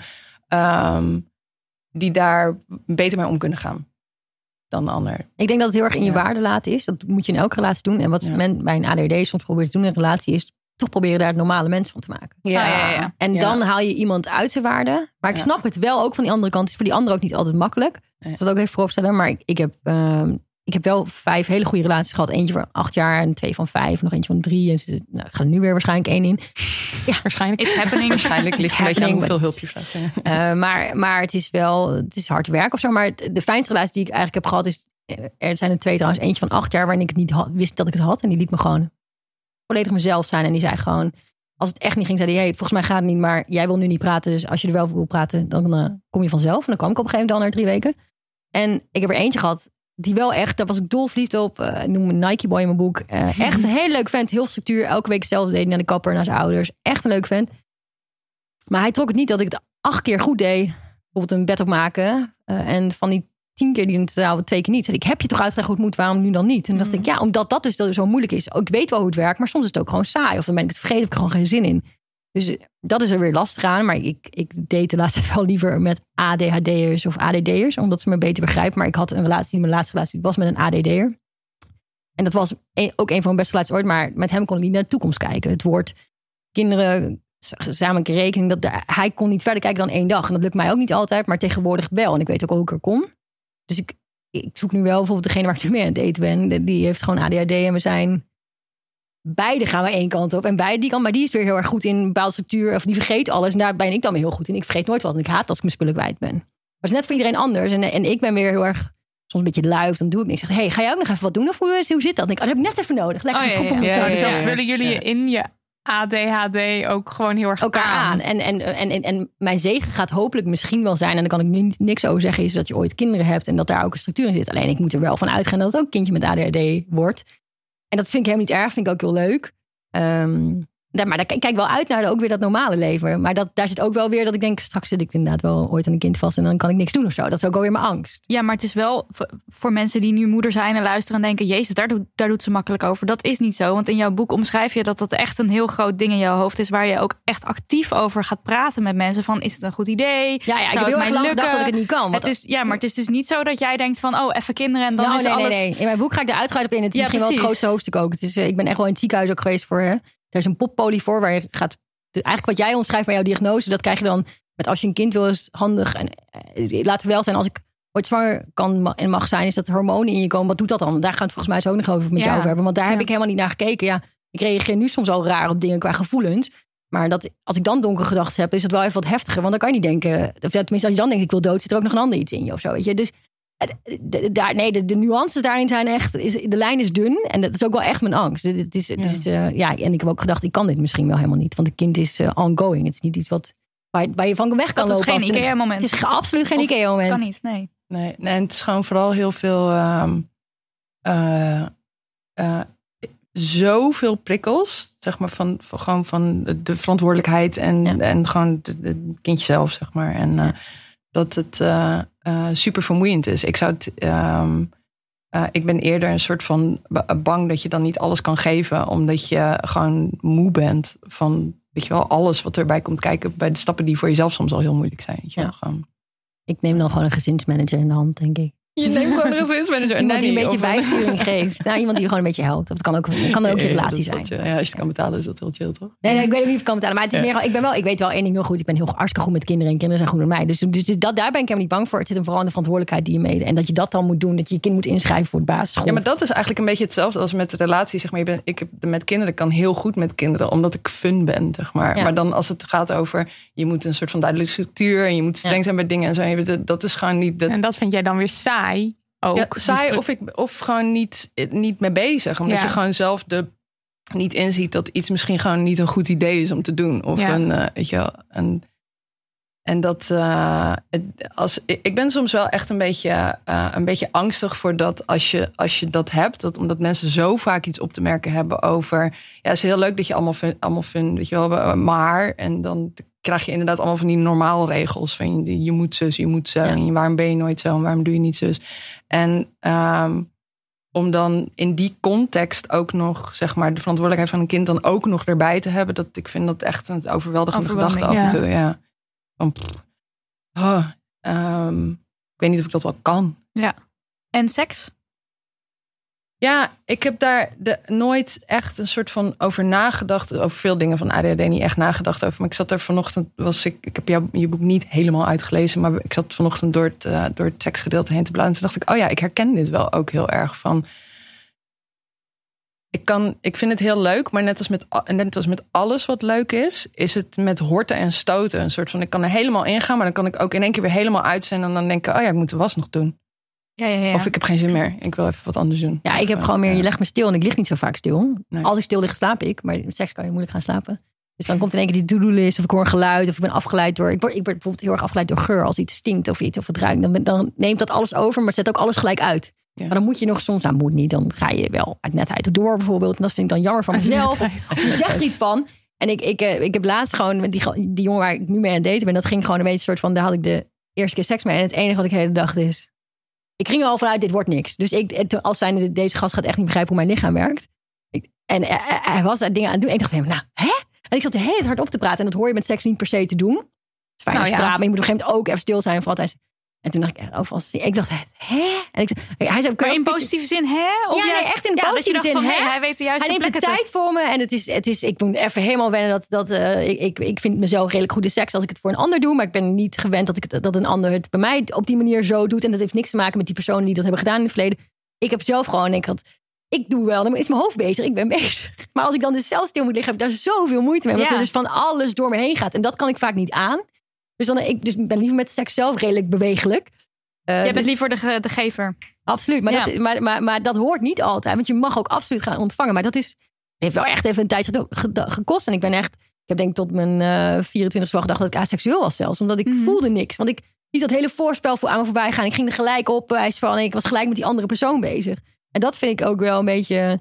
En ook als, hè, als iemand daar beneden zit, dan denk ik soms... ja, ik heb je eigenlijk hier nodig. Want anders dan zie ik veel te veel of ik neem veel te veel waar. Ja, dus je moet die Ja, ja. prikkel even Ja, maar terug. soms denk ik ook, ik ga wel gewoon porno kijken terwijl die persoon, want dan is het gewoon dat hoofd ook gelijk. eh, dat is, dan is alles gelijk soort van in één lijn. Ja, Ehm, maar dat is ook weer zo raar om te ik ga nu even porno kijken. maar dit is wel interessant. Want ik eigenlijk, eh jij hebt dus wel ideeën erover. Maar jouw idee van wat seks zou moeten zijn, belemmert jou misschien een beetje. Want je zegt net van, nou, ik zou eigenlijk wel, ik ben gewoon aan het praten, maar dat hoort niet. Ja. Ik zou porno, maar dat hoort niet. Dus dat je Ja, eigenlijk je bent zelf continu, want je, wij zijn gewend dat we continu feedback krijgen van andere mensen. Want we, hè, we, doen iets anders, dus dat is waarnemer voor anderen. Daar hebben mensen iets van te vinden. Maar dat zijn we zelf ook continu doen. Ik denk dat een, er is niemand zo... Ik denk bijna, als je iets van een psychische aandoening hebt... dat zijn de mensen die zichzelf het allerbeste kennen. Ook al is dat voor de andere mensen vaak raar of niet waarneembaar. Maar ik ken mezelf zo goed. Alleen, ja, soms moet iemand daar ook wel even in inbreken en zeggen... Nou, ja, hoeft even niet, hè. Gewoon even genieten. Maar dat, dat lukt me niet altijd. En Ja. dat, dat, omdat je altijd ook bezig bent, met, in mijn geval... Ik ben heel gevoelig voor sfeer en, en seks draait om sfeer. Dus ik ben altijd bezig omdat alles in de juiste moed is. Vooral voor die andere persoon. En dan vergeet je jezelf zo gauw in. Mm, En ja. kan je dan wel, als jij dan denkt, oké, ik zou wel porno willen kijken of ik ben er wel hard op praten, kan je dat dan, eh, praat je dan over met je partner? Kan ja, je dat doe ik tegenwoordig wel. Maar het ligt ook wel aan met wie je bent hoor. Er zijn ook genoeg mensen die dat echt niet waarderen. Of, eh, eh, het is net zoals, ik denk uiteindelijk soms ook wel eens... oh ja, ik val misschien niet eens op een, per se op een man... maar ik kan ook op een vrouw vallen, omdat ik gevoelsmens ben. Maar ik ben dan wel weer bang voor... ooit, ik heb nooit met een vrouw gezoend of iets met seks te denken... Eigenlijk ben ik daar toch heel benieuwd soms naar, maar dat durf ik niet. Of zo. Want dan denk ik weer, nee, denk, nee, het veel te ingewikkeld. Dan ben je daar weer straks mee bezig met hoe het werkt. Dan zit je daar hard op in denken. Kan ik dus niet toelaten. Dus ik denk ook, ik hoor wel gewoon mijn man. Dat is duidelijk. Ja? Terwijl er gaat nergens over. Oh, gewoon puur om het simpeler te maken. Om je hoofd leger te krijgen. Dan maar gewoon het heteroseksuele hokje. Ja, bijna wel. Soms. Ja. Terwijl ik soms ook denk, goh, het zou ook wel eens fijn zijn als je het met een vrouw, want die snapt het daar beter. Weet je, wel, die weet hoe het werkt. Hm, Dat is ook al een beetje hilarisch eraan. Carly. Of ik dat ook zo voel. Ja, zo dat dat hokjes bijvoorbeeld. Of dat je denkt Ja. van, oh, mijn hoofd is overal en ik kan me niet goed focussen en ik durf eigenlijk met plezier ook niet. Ja, te nemen. Nou, te- ja, ja wat, wat, wat er vooral zeg maar in zit, is ook dat, dat simpeler maken. Dat herken ik heel erg van, oh, wat- laat ik het gewoon simpel houden. Maar dat heeft voor mij niet echt een soort van reflectie op in welk, welk hokje Nee. ik, eh, eh, ik wil zitten of eh, me prettig voel. Maar dat ehm, continu eh, eigenlijk hele kleine opmerkingen krijgen aan de lopende band over alles wat anders is, ehm, is gewoon heel heftig. Hm. En ehm, eh, seks is zo intiem en kwetsbaar. En dan als je inderdaad niet normaal is om te praten, of niet normaal is dat je heel snel aan de was denkt eh, of er niet bij bent, is, ehm, is niet heel ontspannen. En in general denk ik van ja, dat, dat het. Sommige mensen kunnen je het gevoel geven dat het allemaal gewoon prima is. En andere mensen wat minder. En Daar ben je dus ehm, heel gevoelig voor. Dat, dat voel je dus ook. Dus ja, dat ook je heel ja. snel. En als je heel snel, dat, denk ik inderdaad dat het bij ADHD. ehm, eh, volgens mij zegt Katelijn dat in jouw boek ook dat dat eh, een soort van eh, kenmerk wil ik het eigenlijk niet noemen, maar dat het opmerkelijk is dat dat bij veel ADHD'ers zo is. Is dat je heel snel, eh, zeg maar, gevoelsmatig afgestemd, dat je goed weet wat, wat de Wat de situatie, situatie is, is, zeg hè, maar. dat je ja. het aanvoelt. En dat als het dus. eh, Ja, ik kan niet liegen van mezelf. Soms wil ik heel graag in een bepaalde relatie Ja. met iemand zijn. En daar seks mee hebben. Maar mijn hoofd en lichaam voelt dan alles al. Nee, dit is, dit is niet de persoon. Ja, Wijs van, en dan toch doen. toch doen. En dan Ja. toch doen. toch doen. Toch En dan toch hopen. Terwijl mijn, dat, ik kan ook nooit in een relatie uiteindelijk blijven waar ik me gevoelsmatig wat niet klopt. Omdat uiteindelijk mijn gevoel naar een bepaalde verloop van tijd gaat spreken. Of dat is, en vaak is het eigenlijk bij seks het eerst waarnemen, want dan word ik gewoon niet opgewonden van die persoon. Dus het is Ja. ook Ja. wel. Mijn lichaam liegt niet. Dus dat is ook het fijne van aanvoelen en de situatie gelijk weten in te schatten. Alleen ja. Dan moet je het wel Ja. serieus nemen dan Ja. daarna. Dus. Ja. ja. Maar het is wel dat, zeg maar, dat normale, daar, daar, daar snij je eigenlijk iets aan wat zeg maar, het allergrootste probleem is. In, voor mij in ieder geval. Van, oh ja, het is niet normaal. Dit is niet normaal. Dit is niet normaal. Dat is niet normaal. Zus is niet normaal. En niks is normaal. En dat eh, maakt eigenlijk alles complex. Ja, maar ik, ik heb wel besloten, of tenminste, ik heb, ik heb, wat ik de laatste tijd heel erg heb, is ik, ik omring me veel met mensen die ook een beetje denken zoals ik. Dat, dat, dat die ook zeggen, je gaat misschien, ik wil heel graag dat hele saai leven, noem ik dat maar even, maar het is het niet. Huisje, boompje, beestje. Terwijl die zegt, ja, maar dan is, of dan heb ik alles op de rit, zegt hij, is ook saai, hè? Dus soms gebeuren er hele rare, eh, ingrijpende dingen, maar dan zegt hij, dan gebeurt er tenminste wat. En ook dat met seks ook. Soms, eh, de ene keer lach, lig ik me helemaal dubbel, maar dat moet iemand anders wel kunnen waarderen. Of ik ben er gewoon in één keer helemaal klaar mee. Het is een beetje een soort van, de schijn zijn van, en dat ook daar weer onderprikkeling en overprikkeling, het, Ja. zit, het is zo dun. Het is Ja. zo dun. Ja. En met seks is dat heel goed waarneembaar gewoon. Ja. is het eigenlijk een heel handig iets om conclusies uit te, uit te trekken voor jezelf misschien. Ja, iemand je laten penetreren en dan weten En dan wat er aan de weet hand je- is. Dan de, Heel grappig. de menstruatiecyclus. Ehm, Francine, jij schrijft daar niet over. Is dat bewust of is het gewoon niet iets wat in je Nou, ik opgekomen ben is? eh, Of... toevallig eh, ook nu ongesteld en eh, ik denk dan elke keer Ik dat... ook. En Ik Marilotte ook. ook. Nee. Nee. We Ja, hebben allemaal ongesteld. Nou. Zet het menstruatiealarm maar aan, mensen. Oh. Eh, maar maar, maar, maar eh, nee, ik, het grappige is, ik heb, ik heb de afgelopen, ik had nooit, ik heb nooit echt last gehad naar mijn idee van mijn menstruatie tot het afgelopen jaar. Zo. Het is echt bizar pijnlijk allemaal. En ik denk, goh, wanneer zijn we er vanaf? Maar ja, goed, hè, het hoort erbij. Lichamelijk. Uh, Ja, het gewoon, maar ik weet niet of het iets met mijn ADD. Ja, het is gewoon en da- twee dagen voordat ik ongesteld word. Tegenwoordig ben ik gewoon, ik ben echt geen zagrijnig persoon, gewoon niet. Maar dan moet je me echt niet hebben hoor. Dan kom ik ook naar beneden en dan zeg ik echt, eh woon nu nog samen met mijn broertje naar huis. Dan kom ik echt naar beneden en zeg ik, ja, eh, ik ga je nu echt snauwen, jongen. En het wordt, dat heb ik alleen. Maar ja, ik, ik weet, jij, volgens mij gaan we het hier nu schoven hebben. Dat Ja, jij, ik ben eh, heel benieuwd bij Car eh, Ja. Carly. Oh, eh, ja, ja, Ja, jou, ehm, eh, want we, we kwamen hier dus achter dat jij ADHD hebt, omdat jij dus zei van ja, bij mens, medicatie in combinatie met mijn cyclus, dat is, daar gebeuren dingen. Ja, en dat de- toen ik eh, bij de diagnose eh, met de verpleegster die vroeg: wil je meedoen aan een onderzoek voor vrouwen met ADHD in combinatie met hun cyclus, al dan niet in combinatie met medicatie, dat weet ik even niet meer. Ehm, en toen dacht ik voor het eerst: oh, oh huh, heeft, dat dan, heeft dat dan invloed op elkaar? Of is dat, maar daar, daar wordt dus nog onderzoek naar gedaan, dus dat, dat antwoord dat weet ik niet. Maar Ja, er is weinig onderzoek op vrouwen en ADHD sowieso. gewoon in. en dan ja. ja. in general al en dan over die cyclus specifiek. Daar Ja. wordt- weten we zo, sowieso niet veel over. Of tenminste, daar is echt veel achterstallige kennis. Zo. En ook dat ik, de, dat ik me ook de laatste tijd steeds vaker realiseer van ik heb het gewoon met, met niemand vaak daarover. Nee, precies, gewoon- ja. En, Ja, ik weet dat ooit Sophie, volgens mij Sophie Hilmand, wilde een programma maken met wat, wat doen hormonen en wat doet de cyclus met een vrouw. Maar dat, dat, Ja. dus dan, ik weet niet, het, had, het was een beetje in lijn met de mentale kreukels, dat eh, programma. Dat heeft ze toen niet gedaan, terwijl ik dacht, Dat is echt zo waar we dit dan zitten ja. gaat de helft van Nederland ga- gaat hier iets aan hebben. Dus Ja. eh, dit is gewoon, vertel het ons alsjeblieft, want eh, het lichaam, ja, als je niet van bewust bent, dan kun je er ook niet naar handelen. Maar ik denk dat als je er meer over weet, ja, ik, ik lees me er niet over in, totaal ook niet. Interesse ligt dan weer op zich Wij niet. hebben er een boek over vertaald. Ja. Ja, dat weet ik. Jullie Zo. hebben- ja, ja, Ja. de, de, Cyclusstrategie. Ja. ja. Ja, dus ik, dus ik kan er niet zoveel over zeggen, maar ik denk uiteindelijk, het, het bepaalt heel veel. Want het, ik bedoel, dat is ja, ik heb Nou, er zeg maar, ja, donkere gedachten technisch heel zwaar Ja. mee. En dus ook afhankelijk van, ik heb allerlei verschillende soorten. ehm, ik heb koopspiraaltje, hormoonspiraaltje, de pil. ehm, wat, ik, wat ik per definitie al heftig vind, omdat ik langer met, zeg maar, eh, eh, hoe noem je dat eigenlijk? Ik kan even niet op het woord komen. Niet een voorboedsmiddel, maar een, hoe noem je eigenlijk een anticonceptie? Anticonceptie, ja, ja, ja. Ehm, en dat eh, voor mij zeg maar een koperspiraaltje het allerbeste werkt, omdat daar dus geen hormonen in zitten. En dat is de, dat die hormonen die nekken me totaal daarin. Maar dat ik heb dus muziek is elke keer anders. Ehm, maar eh, wat er vooral gebeurt, altijd eigenlijk, en dan met name in aanloop er naartoe, dus eh, PMS denk ik. Mhm. Uh, is dat het, dan wordt het echt heel duister allemaal. En dan Mm. niet, zo, niet zozeer van ehm, ik wil niet meer, maar wel een soort van ja, futloos een beetje bijna. Van, ja, dat dat, dat, wat een soort van dit- dit- elke dag hetzelfde. En het is allemaal gewoon, gewoon allemaal eh, stom. Alles stom. En dat varieert heel erg, maar het is. ehm, het heeft de, mijn ADHD omschrijft zich voor mij eigenlijk het beste als dat mijn hersens hebben een bepaald volume, zeg maar. En die staan gewoon soms te hard. En ehm, als ik. Hoe, het eigenlijk is zeg maar met mijn menstruatie is mijn weerstand heel laag. Mijn mentale Mhm. weerstand eigenlijk. Dus dan word ik een beetje moeier. En dan gaat dus ook de aandacht weg van dat, men, dat het volume van mijn hersens, zeg maar, te controleren valt. En dan kunnen, kan dat weer een beetje zijn gang gaan. En dan heb ik er gewoon eh, mentaal super veel last van. Ja. En ehm, daar had ik het over met de verpleegkundige. En die zei toen tegen mij van, nou dan moet je B12 erbij slikken. Eh, daar had ik het vervolgens met de huisarts over. En die zei, nou dat is onzin, want je hebt gewoon een goede was al B12-waarde. getest bij jou dat is, en dat ja, is het is gewoon getest. goed. En dan is Hmm. het, sterker nog, is het niet goed om extra B12 te slikken. Dus Hmm. dat moet je niet gewoon zomaar doen. En ehm,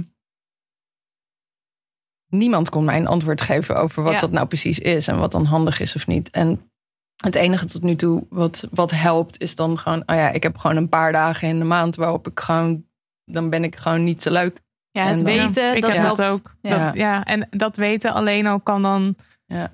In ieder geval je de houvast geven om er dan maar doorheen te komen, want je weet Ja. wat er aan de hand is. En je Ja. weet ook dat het weer overgaat, ook al voelt het op dat moment Ja. heel erg alsof het nooit meer overgaat. Dat. En dat, je, dat je denkt van, nou, ik, heb, ik kan echt niet voorstellen dat ik me ooit beter heb gevoeld. Maar wat, dus, wat vooral heel heftig is, is wat ik heel eng vind aan dat eh, mijn hersens dus te hard staan af en toe, dat volume, is dan, dan kan ik er, eh, ik heb er minder controle over. Dus dan neemt het weer iets meer de overhand dat ehm, mijn ADHD-hersens eigenlijk gewoon een beetje doen wat ze doen. Weet je wel? En dan wordt alles moeilijker te controleren. Dus het, ehm, het, ik ben dan iets meer een soort slachtoffer van mijn hersenen op, Mm. op het moment dat op bepaalde momenten in mijn cyclus, omdat dan mijn hersenweerstand lager is.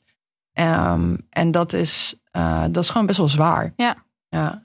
Ik las erover dat als je dus lagere eh oestrogeen levels hebt, dat Mhm. dan je ADHD-symptomen toenemen. En na je ovulatie zakt, zakt je oestrogeen. Dus dat is richting Ja. je PMS, dat je zwaardere gevoelens hebt. Ja. Maar hier is dus eigenlijk nog te weinig over.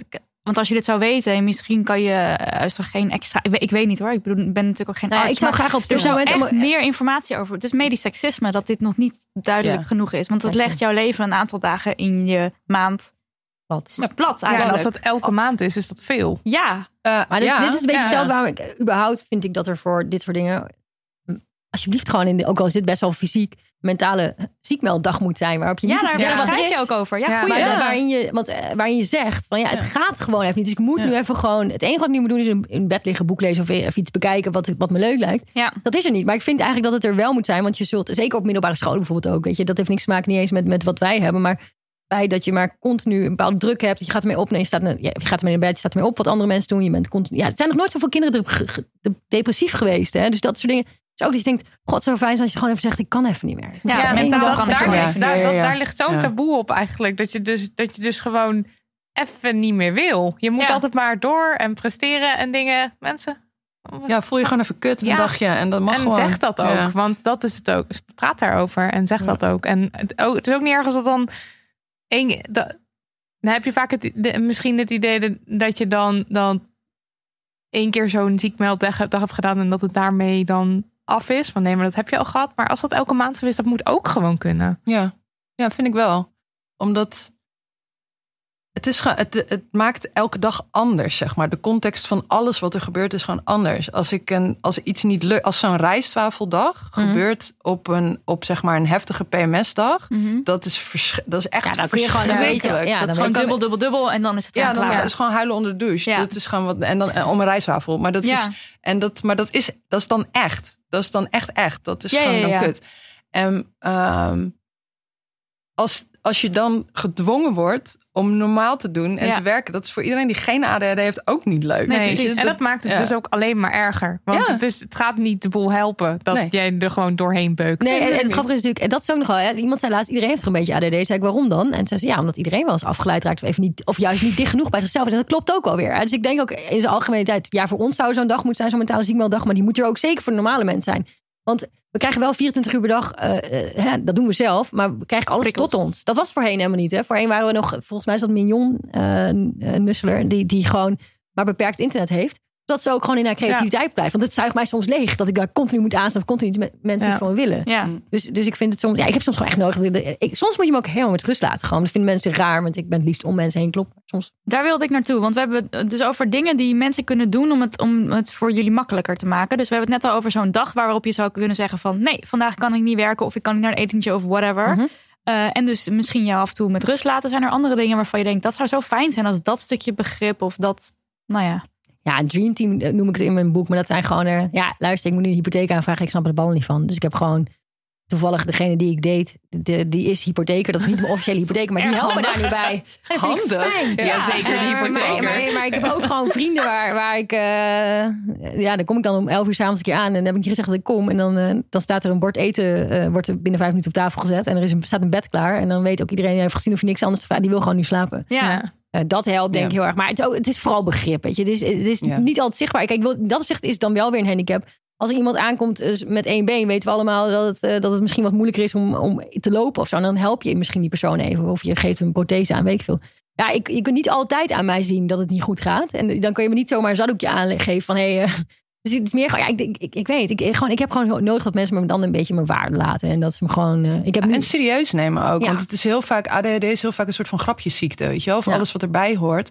zijn he- een heleboel dingen die ik zelfs ook moeilijk vind om als serieus te, serieus te nemen. Omdat ja, kan, je, kan je niet genoegen nemen. met- Ik blijf maar dat rijstwafel voorbeeld, omdat het echt een goed voorbeeld is. Maar kan je niet gewoon genoegen nemen met die boterham? Zo van ja, nee, dat lukt dus niet. Het voelt En- dan voor ons, eh, of voor mij zou het dan voelen van come on. Ja, niet dat, ik dat nee, ja, letterlijk zou denken, Ja, maar, ik kan dat me gewoon even. Ja, gewoon doe het even, gewoon doe even. gewoon even. Eet Dat gewoon is- die boterham. Ja, en dat, ehm, dat, dat is voor mij echt. Dat is gewoon dat- niet. Nee, Nee. Dat, dat kan niet. En, Maar mensen hoeven dat niet eens te begrijpen natuurlijk. Ze moeten het gewoon aannemen van je dat dat zo ja, is. en, en ehm, er is. De, ehm, wat, wat, wat voor mij het meeste helpt, is inderdaad gewoon. Maar ik denk dat iedereen dat, dat voor iedereen hulp, behulpzaam is. Is dat als je gewoon mensen in hun waarde laat. En Ja. dat je gewoon als je, dat je vraagt als er iets is. Of dat je, ja. Ja. Maar ehm, de, in, in mijn persoonlijke ervaring heb je iets meer de mensen die een soort van benoemen wat je aan het doen bent. En de mensen die gewoon eh, um, een beetje dat al dan niet waarnemen. En van ja, stop maar gewoon een beetje, moet je niet met veel uh, van verwachten. Dus die handelen daar eigenlijk gewoon een beetje mee. En het is vooral dat, um, dat benoemen wat het heel heftig maakt. Omdat alles is al abnormaal. En op mm. het moment dat er, ook al is het maar heel klein, zeg maar van, oh, wat heb je een gekke broek aan. Dat is dat. Dat, dat, dat, dat kan mij heel erg pijn doen soms. Ja. Als mensen dat doen. En daar ben ik dan daar ben ik soms een dag van. Nou, daar kan ik zo van in bed kruipen en denken, nou, Ja, op. omdat het gewoon de hele uh, tijd een vergrootglas op je gedrag is. Dus als mensen aanwijzen van jij doet nu dit. Als en dat iets is raar. Niet, dus niet normaal. Ja. Dat gebeurt aan de lopende band. En dat is heel vermoeiend, sowieso al.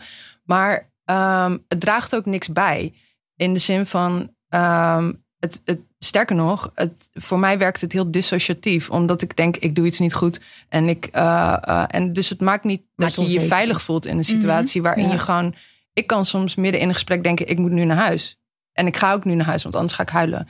En dat de mensen, de, zeg maar, er zijn mensen die dat heel persoonlijk nemen. En ook nooit, als je dan zegt, ja, maar het lukt niet, dat dat niet voldoende is voor die persoon. Weet je wel, dat. Um, um, het is niet een kwestie van onwil of dat valt wel te leren. Het is gewoon, het ja. werkt gewoon niet. Ja. En dat, dat, zeg maar, dat, um, dat echt begrijpen en daar echt de ruimte voor geven. En ook um, stop gewoon met shit benoemen. Zeker als het niet klopt. Dat is gewoon in general naar, naar mensen toe niet zo leuk, weet je wel. Maar nee. vooral als iets, uh, alles is offbeat al de hele tijd. En dan draagt het niks bij als je zegt van... Oh, wat doe je dat zo? Ja, ja, ja. Zo, ja, dat ja. doe ik zo. Dat is heel relaxed. Ik beter zo'n vraag. Ik wil net stellen, wat doe je dat op een leuke manier of zo. Maar ik wil niet zeggen dat je alles positief ja, oh, grappig. Ja, en, en wat ik denk ook wel, ik, ik werk met veel ADHD'ers, is gewoon, uh, zet ze maar gewoon in hun kracht. Dat je, en dat klinkt bijna Gerrit Joning, Gerrit Joning-achtig. Maar gewoon, ik ben ergens heel goed in. Laat me nou niet alsjeblieft een mail of een cartridge vervangen, want dat is gewoon mijn ding niet. Ik wil niet zeggen dat ik geen, niet, dat stomme ding niet wil doen. Maar laat mij nou maar inderdaad gewoon even bezig zijn met dat rare ding of dat wat jullie weer ongemakkelijk vinden. Maar gewoon, ja, maar vooral ook praten met elkaar, dat helpt. En, en ik denk gewoon... Uh, ja, ik weet niet. En gewoon jezelf. Ik weet, ik weet, ik, al liefst ook gewoon mezelf zijn, dus laat me. Ik laat ja. jou ook. Ja, ja. ja. ja en oh, het, het kan sowieso nooit kwaad om. Ik heb toen dit bekend werd, zeg maar, voor mij en, en, en ook mijn omgeving, had je zeg maar een, een aantal mensen die zelfstandig dingen daarover gingen lezen. Of weet je wel, gewoon dan af en toe iets doorsturen van is dit voor jou ook zo? Ik zag dit en ik moest aan je denken. En je hebt mensen die dat niet doen, omdat het ADHD gewoon een beetje een soort van gek een soort van stigma heeft. Het is een soort grapjesding bijna. Van, mm -hmm. oh ja, ben je dan de hele tijd heel druk? Weet je wel? Of het, ja, nou, ja, je praat inderdaad heel veel. Eigenlijk, ja. eigenlijk zou mijn boek beginnen met de quote dat ADD niet bestaat. Dat dat het meeste wordt tegen me gezegd. Heb je je pilletje uh, niet geslikt? Nou, die vraag moet je allebei niet aan me stellen. Maar ja, dan, dan niet. Weet je wel, als je denkt dat het niet bestaat, moet je aan mijn boek niet lezen. Het bestaat namelijk wel. Maar het is een beetje gewoon... Laat me gewoon. Ik probeer me ook al te verdiepen in de mensen. Dus ik vind het netjes als mensen dat ook ja. mij doen. Maar goed, ik kan niet van iedereen verwachten dat dat gebeurt. Hè? Laten we ook even. Nee, maar het is ook, moet ook zeggen dat ik, dat ik zelf niet voldoende wist van ADHD om, om te begrijpen dat het dus alle dingen waar ik last van heb, klinken gewoon als kut-excuses. Zoals ik, ik heb echt veel moeite met het concept tijd. Ik kan gewoon niet inschatten hoe lang iets duurt, waarom het zo lang duurt. Uh, waarom er maar eigenlijk maar heel weinig in een dag lukt. Ik denk altijd, ja, lukt wel, lukt wel. En dan lukt het niet. Weet ja. je wel? Dus het, ik kan ook gewoon niet op tijd komen. Lukt me, of ik kom veel te vroeg, of ik kom te laat. Het is niet, er zit niet een soort van gulden middenweg in of zo. Um, um, het kost mij heel veel moeite om, om daarin een, zeg maar, me pleasant op te stellen. Omdat dat wordt gewoon niet gewaardeerd als je altijd te laat komt, weet je wel. En als je dan zegt van, ja, ik heb dus daar veel moeite mee dan is de, de meeste, zeg maar, volkomende responses van... ja, ik vind het ook niet leuk om Doe zeggen gewoon mijn bed uit te komen. best. Ja, Ja. zo, dan zit je je wekker toch een half uur eerder. Zo. En zo Ja, maar- werkt het dus niet. Nee, zo werkt het dus niet. Ja. Want als, het, als ik om negen uur moet beginnen... dan ben ik er om vijf over negen. Als ik om half tien moet beginnen, ben ik er om vijf over half tien. Dus het gaat niet... En dat, Dus het is ook flexibiliteit wat, wat ja, is. en dus gewoon een, een klein beetje begrip en kennis van. eh, het klinkt misschien allemaal als domme kut-excuusjes. Ehm, maar de, de- sommige dingen zijn gewoon heel moeilijk. Ja. Ja. Ik denk wel dat, dat jullie nu komen vertellen over, over waar jullie tegenaan lopen in de podcast. Dat gaat dan dus al helpen, want er is te weinig kennis over. Ja, ik denk het ook. Ja, en dat je ons allebei kan inhuren als je geniale ideeën nodig hebt. Dat want ook. daar eh, zijn we heel goed in. Zeker, Ja, zeker. Ik, ja, we, we moeten het hierbij gaan houden. ja, we moeten Ja, echt. Dit wordt een lange edit, jongens. Ga alsjeblieft dat, eh, dat boek ook lezen. Ehm, Ja, ik vind het echt, sorry dat ik je onderbreek, maar wauw, dit is voor mij, als ik dit boek had, eh, een soort van, het is zo herkenbaar. En ik heb ook tegen zeg maar, mensen tegen wie ik vertelde dat ik dit aan het lezen was, van als je een beetje wil begrijpen hoe, hoe dit dus werkt, dan, dan lees dat boek. Want Ja, het is Heel sowieso heel ja, makkelijk lezen, maar heel herkenbaar ook. En dat is gewoon heel fijn om, om dingen te lezen waarvan je denkt, oh mijn god, oké, dit is dus gewoon normaal voor een ADHD'er. Of En voor- als je het niet Ja. op kan brengen, misschien om, om, om het weer eens uit te leggen, doe je gewoon dat boek in handen. lees er is nu gewoon een handleiding, mensen. Dus drugs met een K. van Francine Regeling. Ja, dank jullie wel.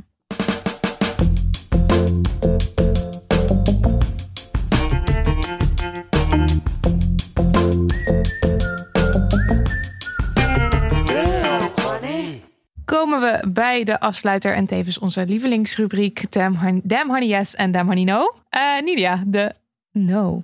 Wat er dus aan de hand was, op het moment dat je dit luistert, is het alweer eventjes geleden. Ik denk twee weken geleden, want we nemen deze aflevering iets eerder op. eh, is dat er vanwege de nieuwe coronamaatregelen ehm, er eh, al dan niet gevoetbald mag worden. En dat er dus wel door de mannen in de eredivisie gevoetbald mag worden, maar dus niet door de vrouwen. En dat was natuurlijk heel erg kut. Daar werden toen kamervragen over gesteld. Ik geloof door Jesse Klaver. En ondertussen mogen de vrouwen wel in de eredivisie voetballen. Dus de kleine no werd toen al een klein beetje meer yes. Maar waar ik blijf hangen op een no is dat, en dat weten veel mensen niet, vrouwenvoetbal volgens de KNVB, op welk niveau je ook speelt in Nederland, onder amateurvoetbal valt. En dat aan zich is best wel kut. Maar je zou kunnen zeggen van... oké, maar wat maakt het uit... zolang vrouwen wel gewoon op het wereldkampioenschap zo ver komen? Nou, op dit moment dus... als we dit soort maatregelen hebben en alles is anders... dan maakt het dus uit. Want dan opeens is het niet belangrijk genoeg... om het door te laten gaan. En ik vind het gewoon een heel goed voorbeeld van... ehm, ach joh, niet zo zeuren daarover. De- het gaat toch gewoon goed zo? Je mag Tot toch er voetballen? dus, Ja. Totdat er dus net even iets raars aan de hand is. En dan is het wel een probleem. En dat moet anders. Ja. Hoezo heb ik, als je, naar, als je naar KVB gaat en je gaat naar amateurvoetbal, dan krijg je dus alle, nou, echt dus de jeugd en de huh en de huh. En vrouwenvoetbal, dat is toch de meest rare categorie die je kan hebben in een, in een onderscheid Ja, toen we, op een website. Ja, ik, wij het ook niet. Nee, we hebben met wij- KVB gebeld. En toen, en toen nam die, die man zei van... Nee hoor, nee, voor zover ik weet is het inderdaad gewoon eh, amateurvoetbal. En wij dan zo, ook, ook als ze in de, ook als ze nee, ja, het is gewoon, Ja, het is gewoon... eh, ja, het is gewoon eh, nee hoor, het is niet maar er, veranderd. er nee, hoor. is al hele tijd een heel raar iets. Hè? Want eh, de, waarom mag het voetbal überhaupt doorgaan de andere sporten dan nou dat ook nog, ja. En, en, maar het raarste is, wij vrouwen, dat is bij, net zoals er is geen vrouwelijke, er is volgens mij één dag een, hoe heet het, Tour de France voor vrouwen of een de, de Ja, Giro we Italia, zoiets. Het is gewoon bizar. Dat heeft, maar dat heeft weer te maken dat wij vrouwen over het algemeen wordt gedacht. Wij kijken naar een Kim Kardashian of kijken naar een reality programma. Weet ik veel. Hè? Dit is even heel kort door de bocht.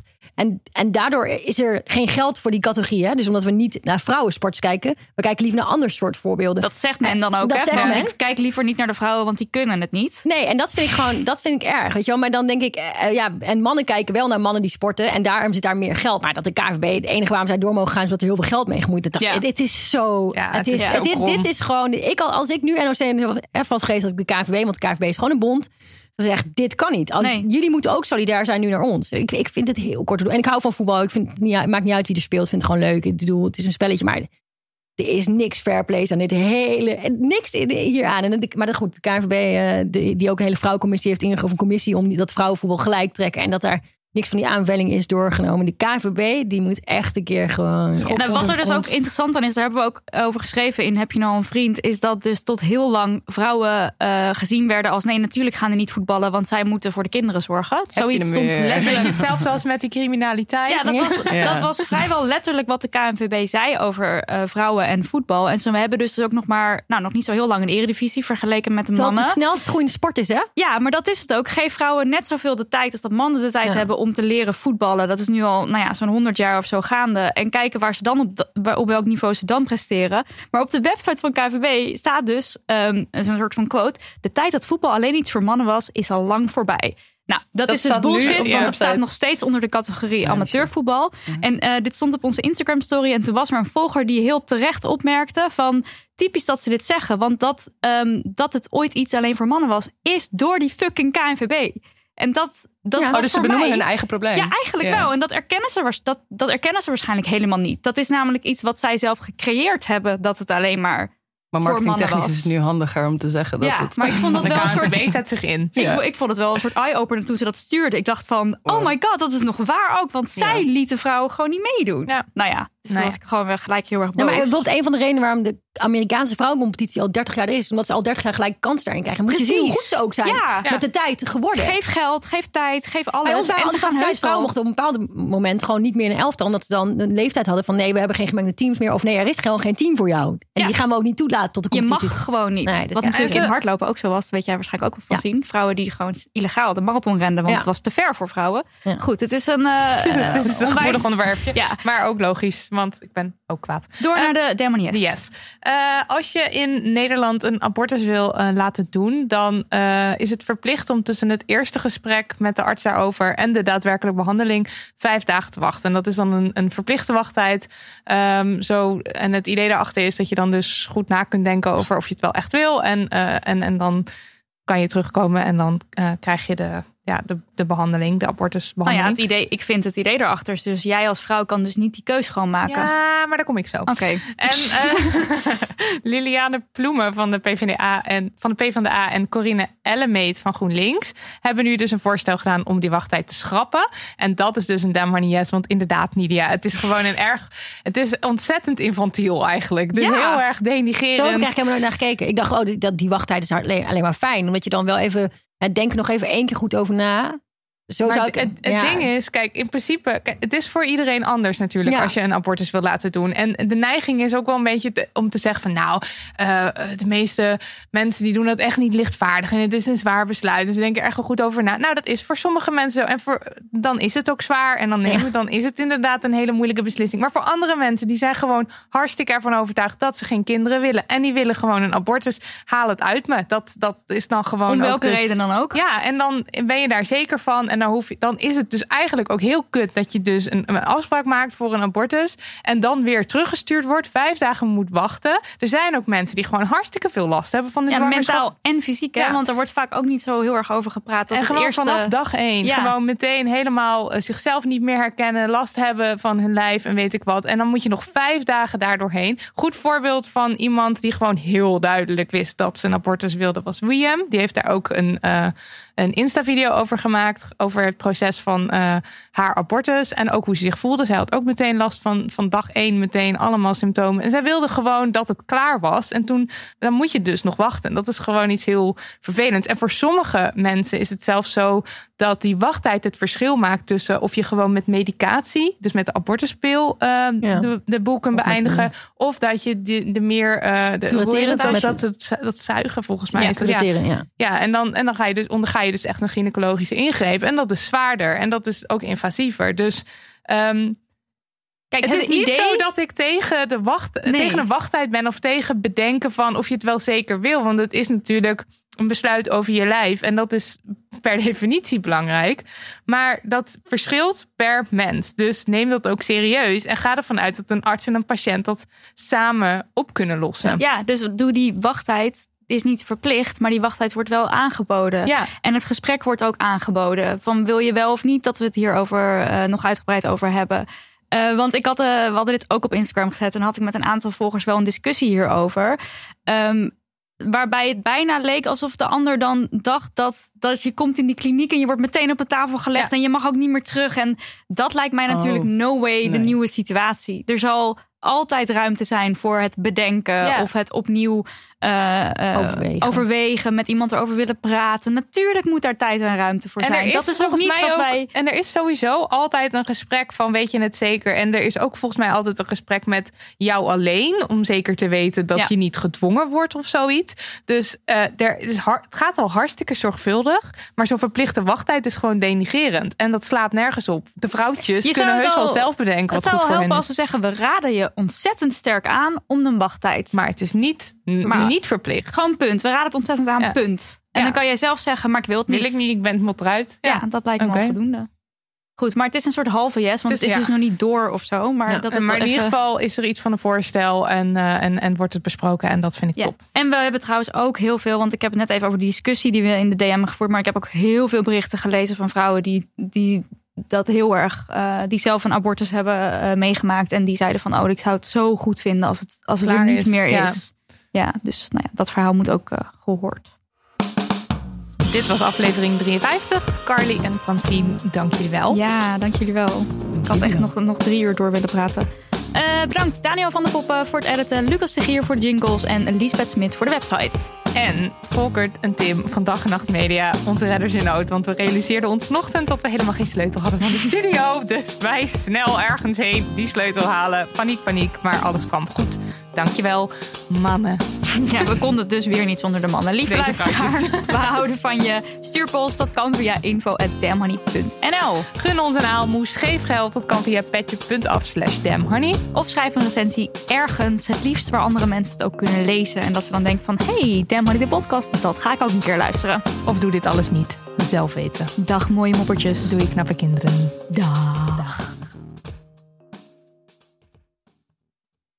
Kussens, bedden, matrassen, beddengoed. Emma Sleep heeft het allemaal. Ga naar emma-sleep.nl om van jouw slaapkamer een slaapparadijs te maken. Er is nu moederdag sale gaande met kortingen die oplopen tot wel 50%. Gebruik de code DAMHONEY voor nog eens 10% korting daarbovenop.